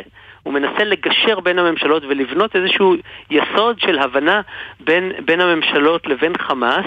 הוא לא במגעים עם הרשות הפלסטינית. עכשיו, עבור, עבור אה, אה, ארגון אה, לגיטימי ומשמעותי כמו האיחוד האירופי לממן אה, פעילות כזאת שבה ארגון מתוך האיחוד האירופי או מתוך מדינות אירופה בא ועוקף בעצם את המשטר הלגיטימי שהאיחוד האירופי הכיר בו, אה, עושה מסלול עוקף והולך לגורמים המרדניים בתוך המשטר הזה כי מבחינת הרשות הפלסטינית וגם מבחינת החוק הבינלאומי אה, חמאס ועזה זה, זה ארגון מורד, זה, זה מחוזות מורדים, הפלסטינים אה, קוראים לזה, הרשות קוראת לזה, אז אז הם גם עוקפים את אה, מדינת ישראל, הם גם עוקפים את, את, אה, את האיחוד האירופי, הם גם עוקפים את, אה, את הרשות הפלסטינית. בהחלט יש כאן סיפור. בואו נראה מה יעשו עם זה כל הגורמים האלה.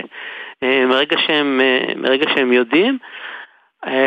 והדבר, כמו שאמרתי, החשוב ביותר אם נסכם כאן, זה המאמצים של חמאס לפרוץ את המצור ולרכוש לגיטימציה.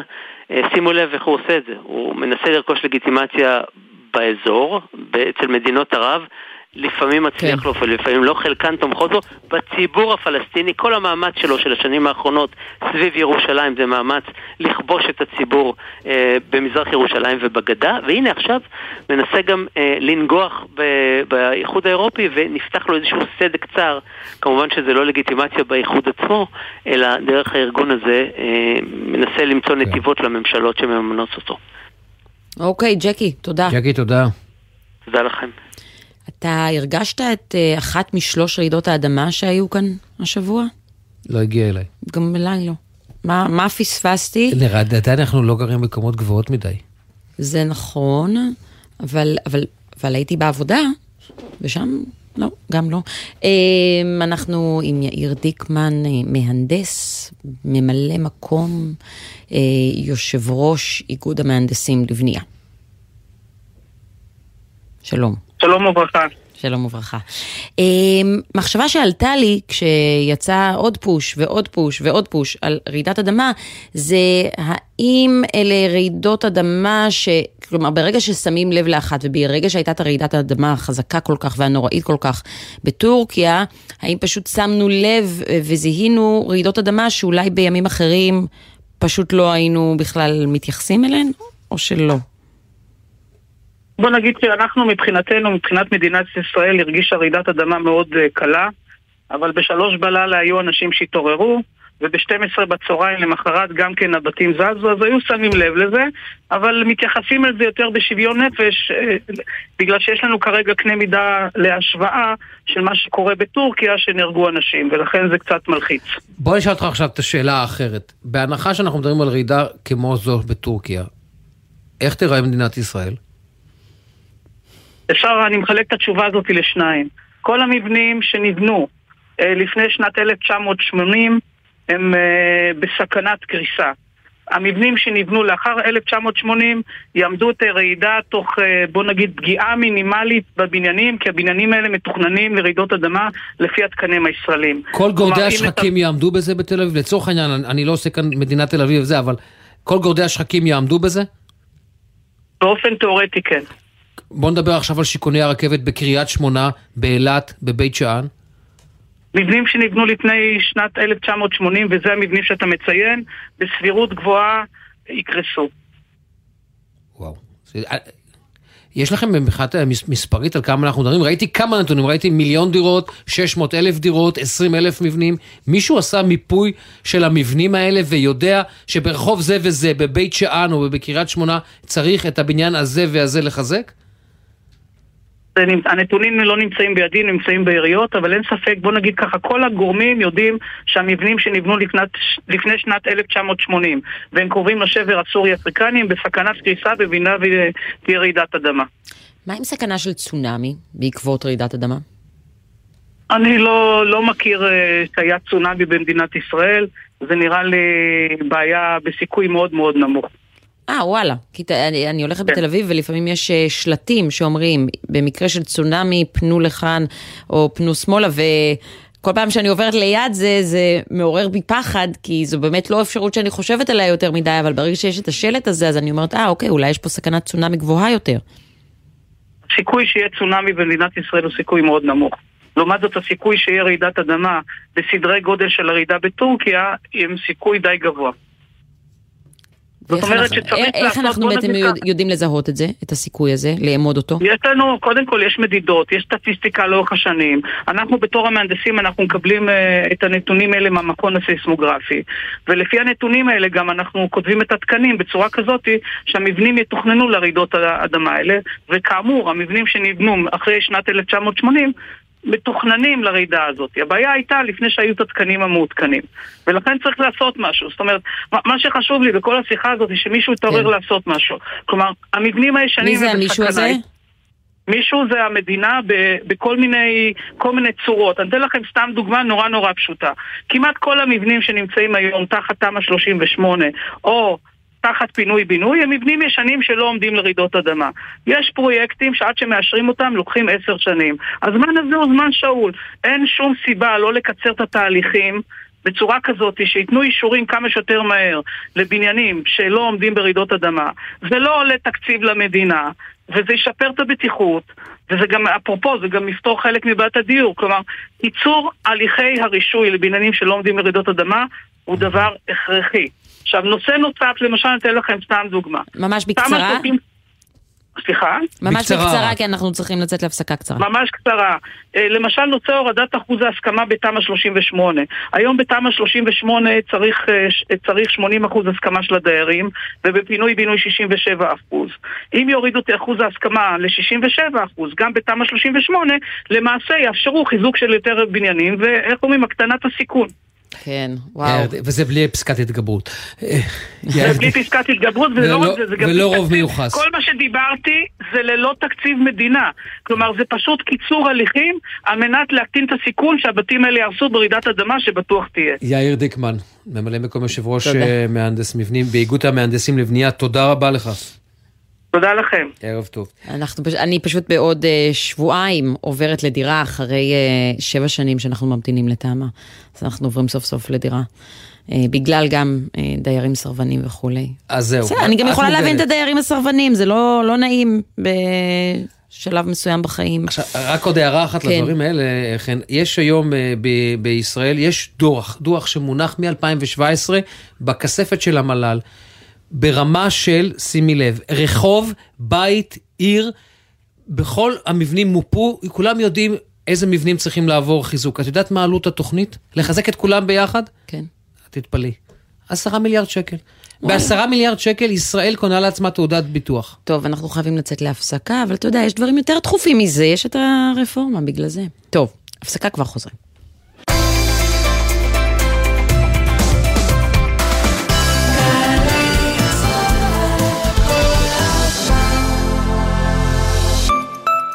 לארגן את הקטנה בבוקר לפני שיוצאים למעון יום זה תיק. לרשום אותה למעון יום לשנה הבאה זה קליק. הורים לפעוטות? שימו לב, גם השנה הרישום למעונות יום מתבצע באופן מקוון ונגיש, בלי לצאת מהבית. מחפשים ברשת מעונות יום מסובסדים, נכנסים ורושמים את הקטנטנים למסגרות שמסבסד משרד העבודה. אז מהרו, והבטיחו לילדיכם מקום בקליק. ההרשמה מסתיימת ב-21 בפברואר. משרד העבודה, יש עם מי לעבוד. חופשה רומנטית בחורף? בואו לירושלים. פברואר של אהבה בירושלים. תרבות ומסעדות בחוויה ירושלמית אוהבת וחורפית. מגוון הטבות בבתי המלון ובאטרקציות ברחבי העיר.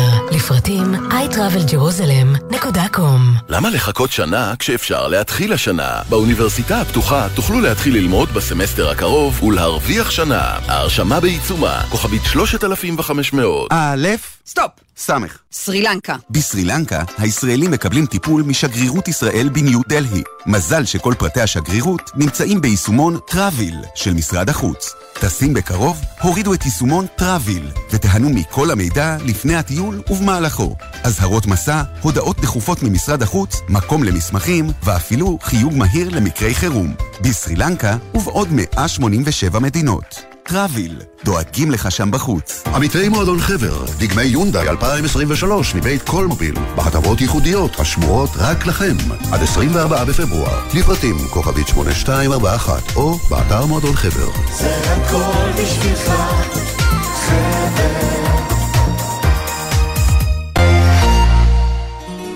מה זה באמת להיות ישראלי? דינה זילבר במסע לתוך הישראליות עם דמויות מפתח בחברה, בספרות ובתרבות. והשבוע, סעיד אבו שקרה. תבינו כמה חשוב שאנחנו מחבקים אחד את השני, כמה חשוב שאנחנו נותנים תשומת לב אחד לשני. והחיים הם לא הכרעתי אותך וניצחתי אותך, אלא איך אני מכיל אותך, איך אני מביא אותך. מילים ומשפטים עם דינה זילבר.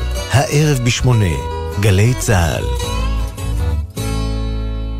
עכשיו בגלי צה"ל, אמיר בר שלום וחן ליברמן. חזרנו. למה חזרנו? למה? לפינה האהובה, הנה. בבקשה. כוכבים משתפים בפדיחות על הבמה.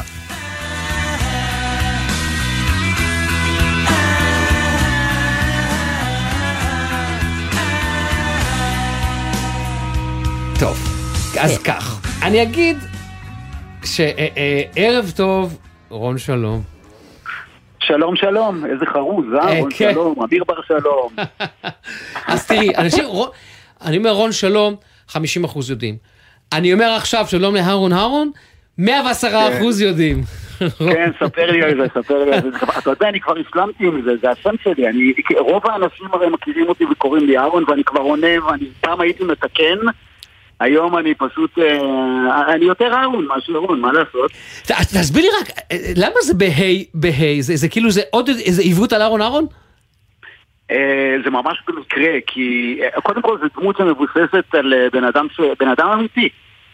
בן אדם אמיתי, שאני הכרתי אותו כשהייתי ילד, והוא גר במושב הצור בירושלים, שם באזור של בית שמש, ריגים, כל המושבים, וככה הוא מדבר. עכשיו, ההרון הרון, אה, זה בגלל שיש לו בעיית פוליפים, ואתה יודע, כאילו, ככה הוא מדבר, הרון, אין לו א', יש לו ה, הרון. אז זה, נהיה אהרון אהרון עם הזמן, ואנחנו כותבים את זה גם אה, עם A. אבל במקור, במקור, הדמות האמיתית, קוראים לו אהרון ולא אהרון אהרון. אה, אתה יודע, אהרון, מיד נגיע לפדיחה, אבל אין לי ספק, נכון? שמיד פוגשים אותך, אומרים, "אה, אה, תן לנו, תן לנו איזה קטע, תן לנו איזה קטע של כן, אהרון כן, אהרון. כן, ספר לי בדיחה, ספר לי בדיחה, תן- תן לי איזה בדיחה, תעשה לי איזה בדיחה. חן, מה קורה? יאללה, לא ראיתי אותך מלא זמן. נכון, כי אני פה. כן, אני יודע, אני שומע. אני שומע. אתם בטוב? אנחנו. בטוב, איך אתה? אני בסדר, מזמן לא הייתי ברדיו, התגעגעתי. אבל באיזשהו שלב זה מציק שאנשים כל הזמן רוצים ממך את הדמות הזאת? אה, לא, לא, אני באמת שאני, א', תראי, קודם כל זו דמות שכבר קיימת אה, 20 שנה כמעט, אה, שאני חושב שזה שיא מבחינת דמויות, כי כל הדמויות בעצם זה דמויות שבאות לתקופה מסוימת וחולפות. את יודעת, אה, כן. היו מלא דמויות, אה, מאז צביקה הדר, ואתה יודע, זה דמויות הן לתקופה.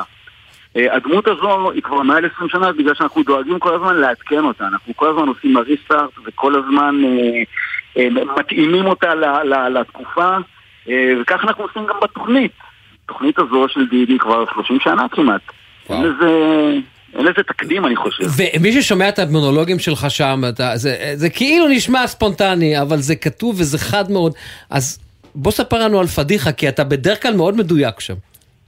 כן, אז קו- קודם כל אני רק רוצה לציין שהרבה בתוכנית זה, זה איתורים ואימפרוביזציות, אבל העוגנים של התוכנית, העוגנים זה הפינות הקבועות שאנחנו עושים, אנחנו כותבים אותם לפני, זה כאילו בלגן מתוכנן. אה, אחרת זה לא היה מחזיק כל כך הרבה זמן. זה אמור להישמע כביכול ספונטני, אבל אה, הרבה, אני יכול להגיד לך של-70% מה, מהדו-שיח ביני לבין דידי זה, זה סוג של איתורים. זה דברים שעולים לנו ואנחנו שותים תוך כדי שידור. וואו. רגע, אז ופדיחה? אה, פדיחה, ככה, הייתה לי פדיחה אחת שהייתה בתחילת הדרך, אני לא התחלתי עם אהרון אהרון, הדמות הראשונה שעשיתי זה היה טייק אוף על אה, זוהר בהלול. אה, וקראו לדמות זוהר בלבול, ככה זה התחיל, אה, ככה זה התחיל. אה, ישבתי באולפן בתור זוהר, אם כן, גבירותיי ורבותיי, חברות וחברים, זה לא קריאת אליעז, אה, זו, זו הייתה הדמות, והייתי מארח, אה, היינו מארחים בתוכנית אה, ספורטאים, שהייתי מראיין אותם בעצם בתוכנית. אה, היה איזה, אה, בלי שמות, היה שחקן כדורגל מאוד מאוד מאוד מפורסם, מאוד מפורסם, אני מדבר על משהו לפני הרבה שנים, שביצע עבירה מכוערת וגסה על אחד השחקנים של הקבוצה היריבה, קבוצה מאוד יריבה. אני לא יודע למה אני יודע על מה אתה מדבר. אני אמורה לזהות? אה, אם אה, תבדקו אותו... איציק זוהר, אייל ברקוביץ'. לא, לא, לא? לא, לא, זה, לא, לא מדבר על המסירה. בקיצור, הייתה עבירה מאוד מכוערת, כל המדינה דיברה על זה אז, הוא קיבל כרטיס אדום. המזל שזה רק נראה עבירה מכוערת, אבל לא קרה לשחקן היריב כלום. זאת אומרת, הוא לא נפצע, אם, זה אם הוא היה נפצע, הוא נפצע קשה, לא הייתי מדבר על זה בכלל. הזמנו את אותו שחקן שביצע את העבירה אלינו לאולפן, כדי לבוא ולהתנצל ולבקש סליחה. סבבה? כן. אחרי ששכנענו אותו כמובן, הוא הגיע לאולפן ואנחנו מדברים איתו ומראיינים אותו, ואז הוא אומר, אני פונה לשחקן הזה באופן אישי, ואני מבקש סליחה ומחילה, ובאמת שלא התכוונתי, ואני מצטער, ואני מצטער, ואני מצטער, ותודה רבה, ואז ביבי אומר, אוקיי, נעבור לפרסומות, המיקרופון לא היה סגור עדיין, ואז אמרתי, חבל לא נתת לו גם ברגל השנייה. איי. וזה היה בשידור, אבל אמרתי את זה כמובן בצחוק, כן? לא התכוונתי. אה, אני- עוד פדיחה שהייתה לי שאני חייב לספר עליה, היא דני יניב, זוכרים אותו? הזמר המדהים הזה? כן. הוא יצא. איזה כן, שיר הוא היה יצא לו? בזמנו עם הלהיט, הוא חושב עלייך. אה, יפה. תשאיר לי את זה. אה, חושב על כל הזמן, אני חושב עליה. אה, נכון. נכון. מה איתו היום עם עידן יניב? אוקיי, נשמע... עידן עובד, אוקיי, עובד על אה, אלבום חדש, דווקא אנחנו בקשר, אה, והוא עובד, והוא יפתיע את כולם. אז איפה הייתה הוא הפדיחה? הפדיחה הייתה שהסיר יצא והסיר היה היסטרי, אז עוד עדי- עדיין לא היו רשתות חברתיות. אז לא ממש ידעתי איך הוא נראה. אה, והערכנו אותו בתוכנית, ואז עידן אה, מגיע ומתיישב בקפיטריה עם הגיטרה, ואני בא אליו עם הפה הגדול שלי, אני אומר לו, אחי, תשמע, שיר ענק. הוא אומר לי, כן, באמת, שיר מיוחד. אני אומר לו, מה זה מיוחד? זה מגה להיט. הוא אומר לי, כן, כן, זה מטורף מה שקורה לנו עם השיר הזה. אז אני אומר לו, גם יש לך קול מאוד מיוחד, יש לך טביעת קול, יש לך... זה מה שחשוב, אתה, אתה, אה, יזהו לך כשאתה תשיר. הוא אומר לי, אחי, אני הגיטריסט, אני לא עידן. ואז הוא הגיע, ואומר שלום לכולם, ובאתי אליו, אמרתי לו, תקשיב, עידן, איזה פדיחה הייתה לי, באתי לגיטריסט, אז הוא אומר לי, אחי, אני ינאי, המנהל, עידן תכף יגיע. אמיתי לגמרי, ואז אני משתדל לסתום את הפה שלי. זה היה לפני שהיה גוגל בהישג יד כל רגע? לפני, כן, כן, כן. זהו. זו- זו הבעיה. היום זה לא היה לפני, קורה. אחרי שהיה גוגל, כל החיים היו קלים יותר, אתה יודע, את הילדים שלי אז בזמנו היו ילדים קטנים, והיו שואלים אותי שאלות, ואבא, ומי היה צ'רצ'ר, ומי היה זה ישר, ואני נכנס לגוגל בלי שהם רואים, אתה... והחזיקו ממני גאון. איך היא תסביר להם שזה גוגל? רון, אני לא מוותר לך. מה? לא יודע, משהו עדכני בהרון הרון. בהרון, הרון, מה אתה רוצה עכשיו יעשה לך בהרון, הרון? נשמע אצלי מחר רובי ביצים, זיתים, עצים, תאנים, כל העולם על הראש שלי, אתה רוצה שאני אעשה לך פרסות? מה קרה לך, יא גברבר? אמיר בר שלום גבר על, אין עליך. צ'נצ'ו? רון רון, אני אקרא לך רון שלום. אני אני אהיה הבן אדם. היחיד בעולם הזה שקורא לך בשמך, אותו שם שיש לך בתעודת הזהות, רון שלום. כן. אם אני אגיד לך שאימא שלי לפעמים קוראת לי אהרון, את תאמיני לי? ברור, ברור לי, בגלל זה אני אומרת, אני לוקחת על עצמי להיות הבן אדם הזה, שכשאתה רוצה שיקראו לך רון, אני פה. דרך אגב, עכשיו אנחנו עובדים על שינוי השם, ודידי בקרדיטים כבר לא אומר רון שלום. אה, פאר טסי המציא לי שם חדש, ואנחנו רצים איתו כבר שבועיים, ואני מקווה שזה יתפוס. אה, רום שלון. זה דרום אמריקאי. עידן יניב, פאר טסי, הבאת פה שמות. את יודעת, זה אה, הדרום... אתם לא שמים לי איזה שיר של פאר? אפשר, לא, לא, אפשר. אולי לסוף. אתה יודע, זה הדרום אמריקאים הופכים בין הנון למם. מום לנן. כן, כן. דרום אמריקאי, ספר לי על זה, יש לי דמות חדשה שאני עושה, אם לא שמעתם אז תעשו גוגל דחוף ותכתבו קיקי המתארך. אה, קיקי זה מתארך שעושה עסקאות שחבל לך על הזמן. אה, באמת, מומלץ מאוד לשמוע את זה, וזה הדבר הבא. רון שלום. ערב טוב. תודה. תודה, תודה, היה כיף. אחלה סופש. יאללה, גם לי, שיהיה לכם אחלה סופה, ואני. שמח. ביי, להתראות. ביי. תשמע, אני לא יודעת אם אה, שמעת על אה, סערת המשפיעניות באינסטגרם. אה, אתה, אתה באינסטגרם? כן. אוקיי. אתה הרבה באינסטגרם? לא מעלה, אבל אה, רואה. אני, אני פשוט במצב שאני כל הזמן רוצה לסגור את האפליקציה הזאת, כי בכל פעם שאני פותחת אותה, אני נכנסת לסטורי כזה או אחר, ומישהי מוכרת לי משהו, או אומרת לי משהו לא מאוד מעניין, או כותבת טקסטים ארוכים אה, ומתארכים, עם כל מיני תובנות ש, שכבר הספקתי לשכוח, כל מיני דברים, ובעיקר תוכן מאוד מאוד שטחי, שבעיקר נועד למכור, למכור, למכור, למכור, לקדם, לקדם, לקדם. עכשיו, לי זה הפריע, ואני כל הזמן רוצה לסגור כבר את האפליקציה הזאת. מצד שני, הרבה דברים קורים שם, אני לא רוצה, אתה יודע, אנחנו בתחום כזה, כן. שאנחנו כן רוצים להיות אז- תמיד עם היד על הדופק.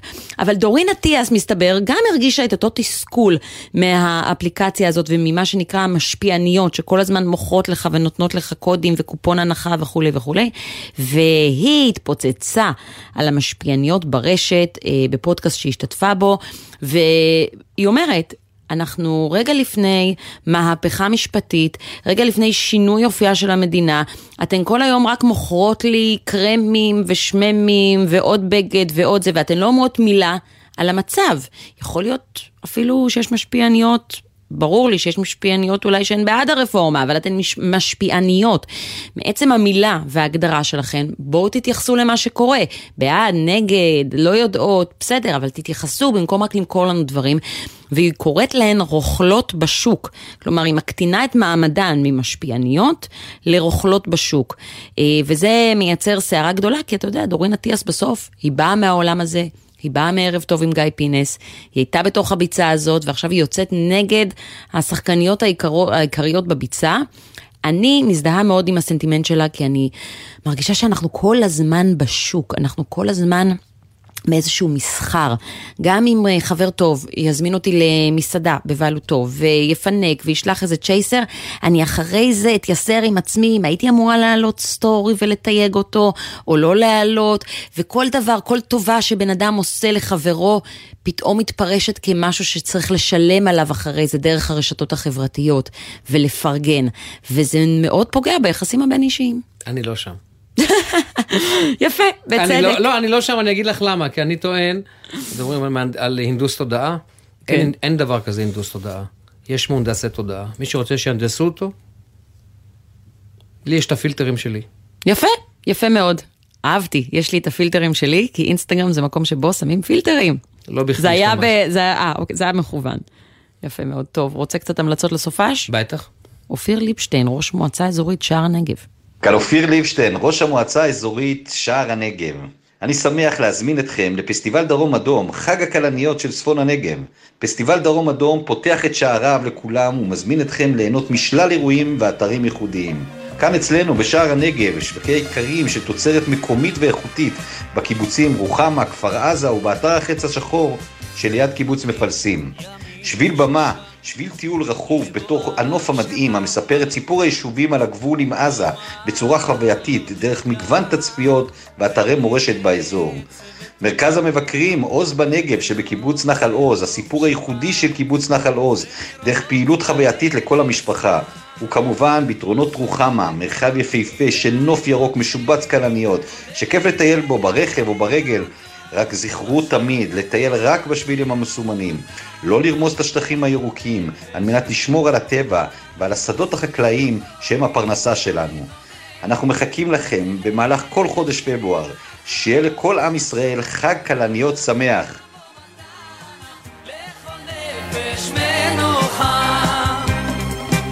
לא. חבל שזה לא שידור טלוויזיה. נגיד אה, גם אה, מזל טוב לשימי תבורי, אותו אנחנו שומעים ברגעים אלה, והוא גם חוגג ברגעים אלה יום הולדת 70. ראיתי אותו בהופעה לפני שנה והוא נהדר, כיף לראות אותו על את הבמה. יודעת מה אני שמח? לא הזמינו אותו לאף במה, וברגע שזה יתפרסם, יש לו כבר שלוש הופעות. אשדוד, רמלה, ואני לא זוכר את העיר אה, השלישית. ביום העצמאות. ביום העצמאות.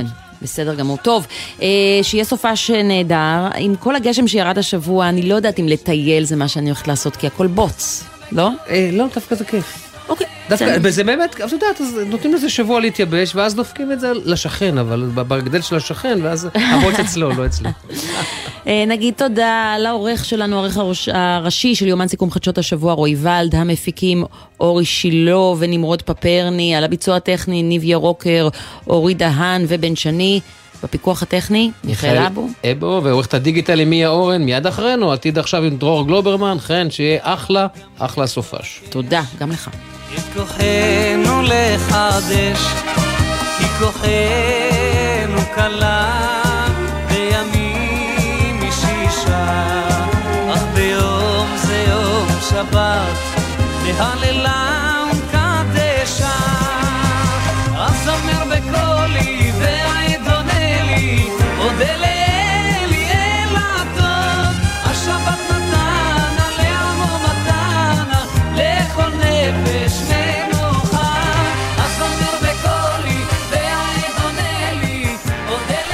בחסות הפניקס סמארט, המעניקה עד 45% הנחה בביטוח המקיף. כוכבית 5432, או חפשו הפניקס סמארט בגוגל. כפוף לתקנון המבצע, הפניקס חברה לביטוח בע"מ. בחסות אוטודיפו, המציעה מצברים לרכב עד השעה תשע בערב בסניפי הרשת, כולל התקנה חינם. כי אין סיבה לשרוף את שישי במוסך. אוטודיפו.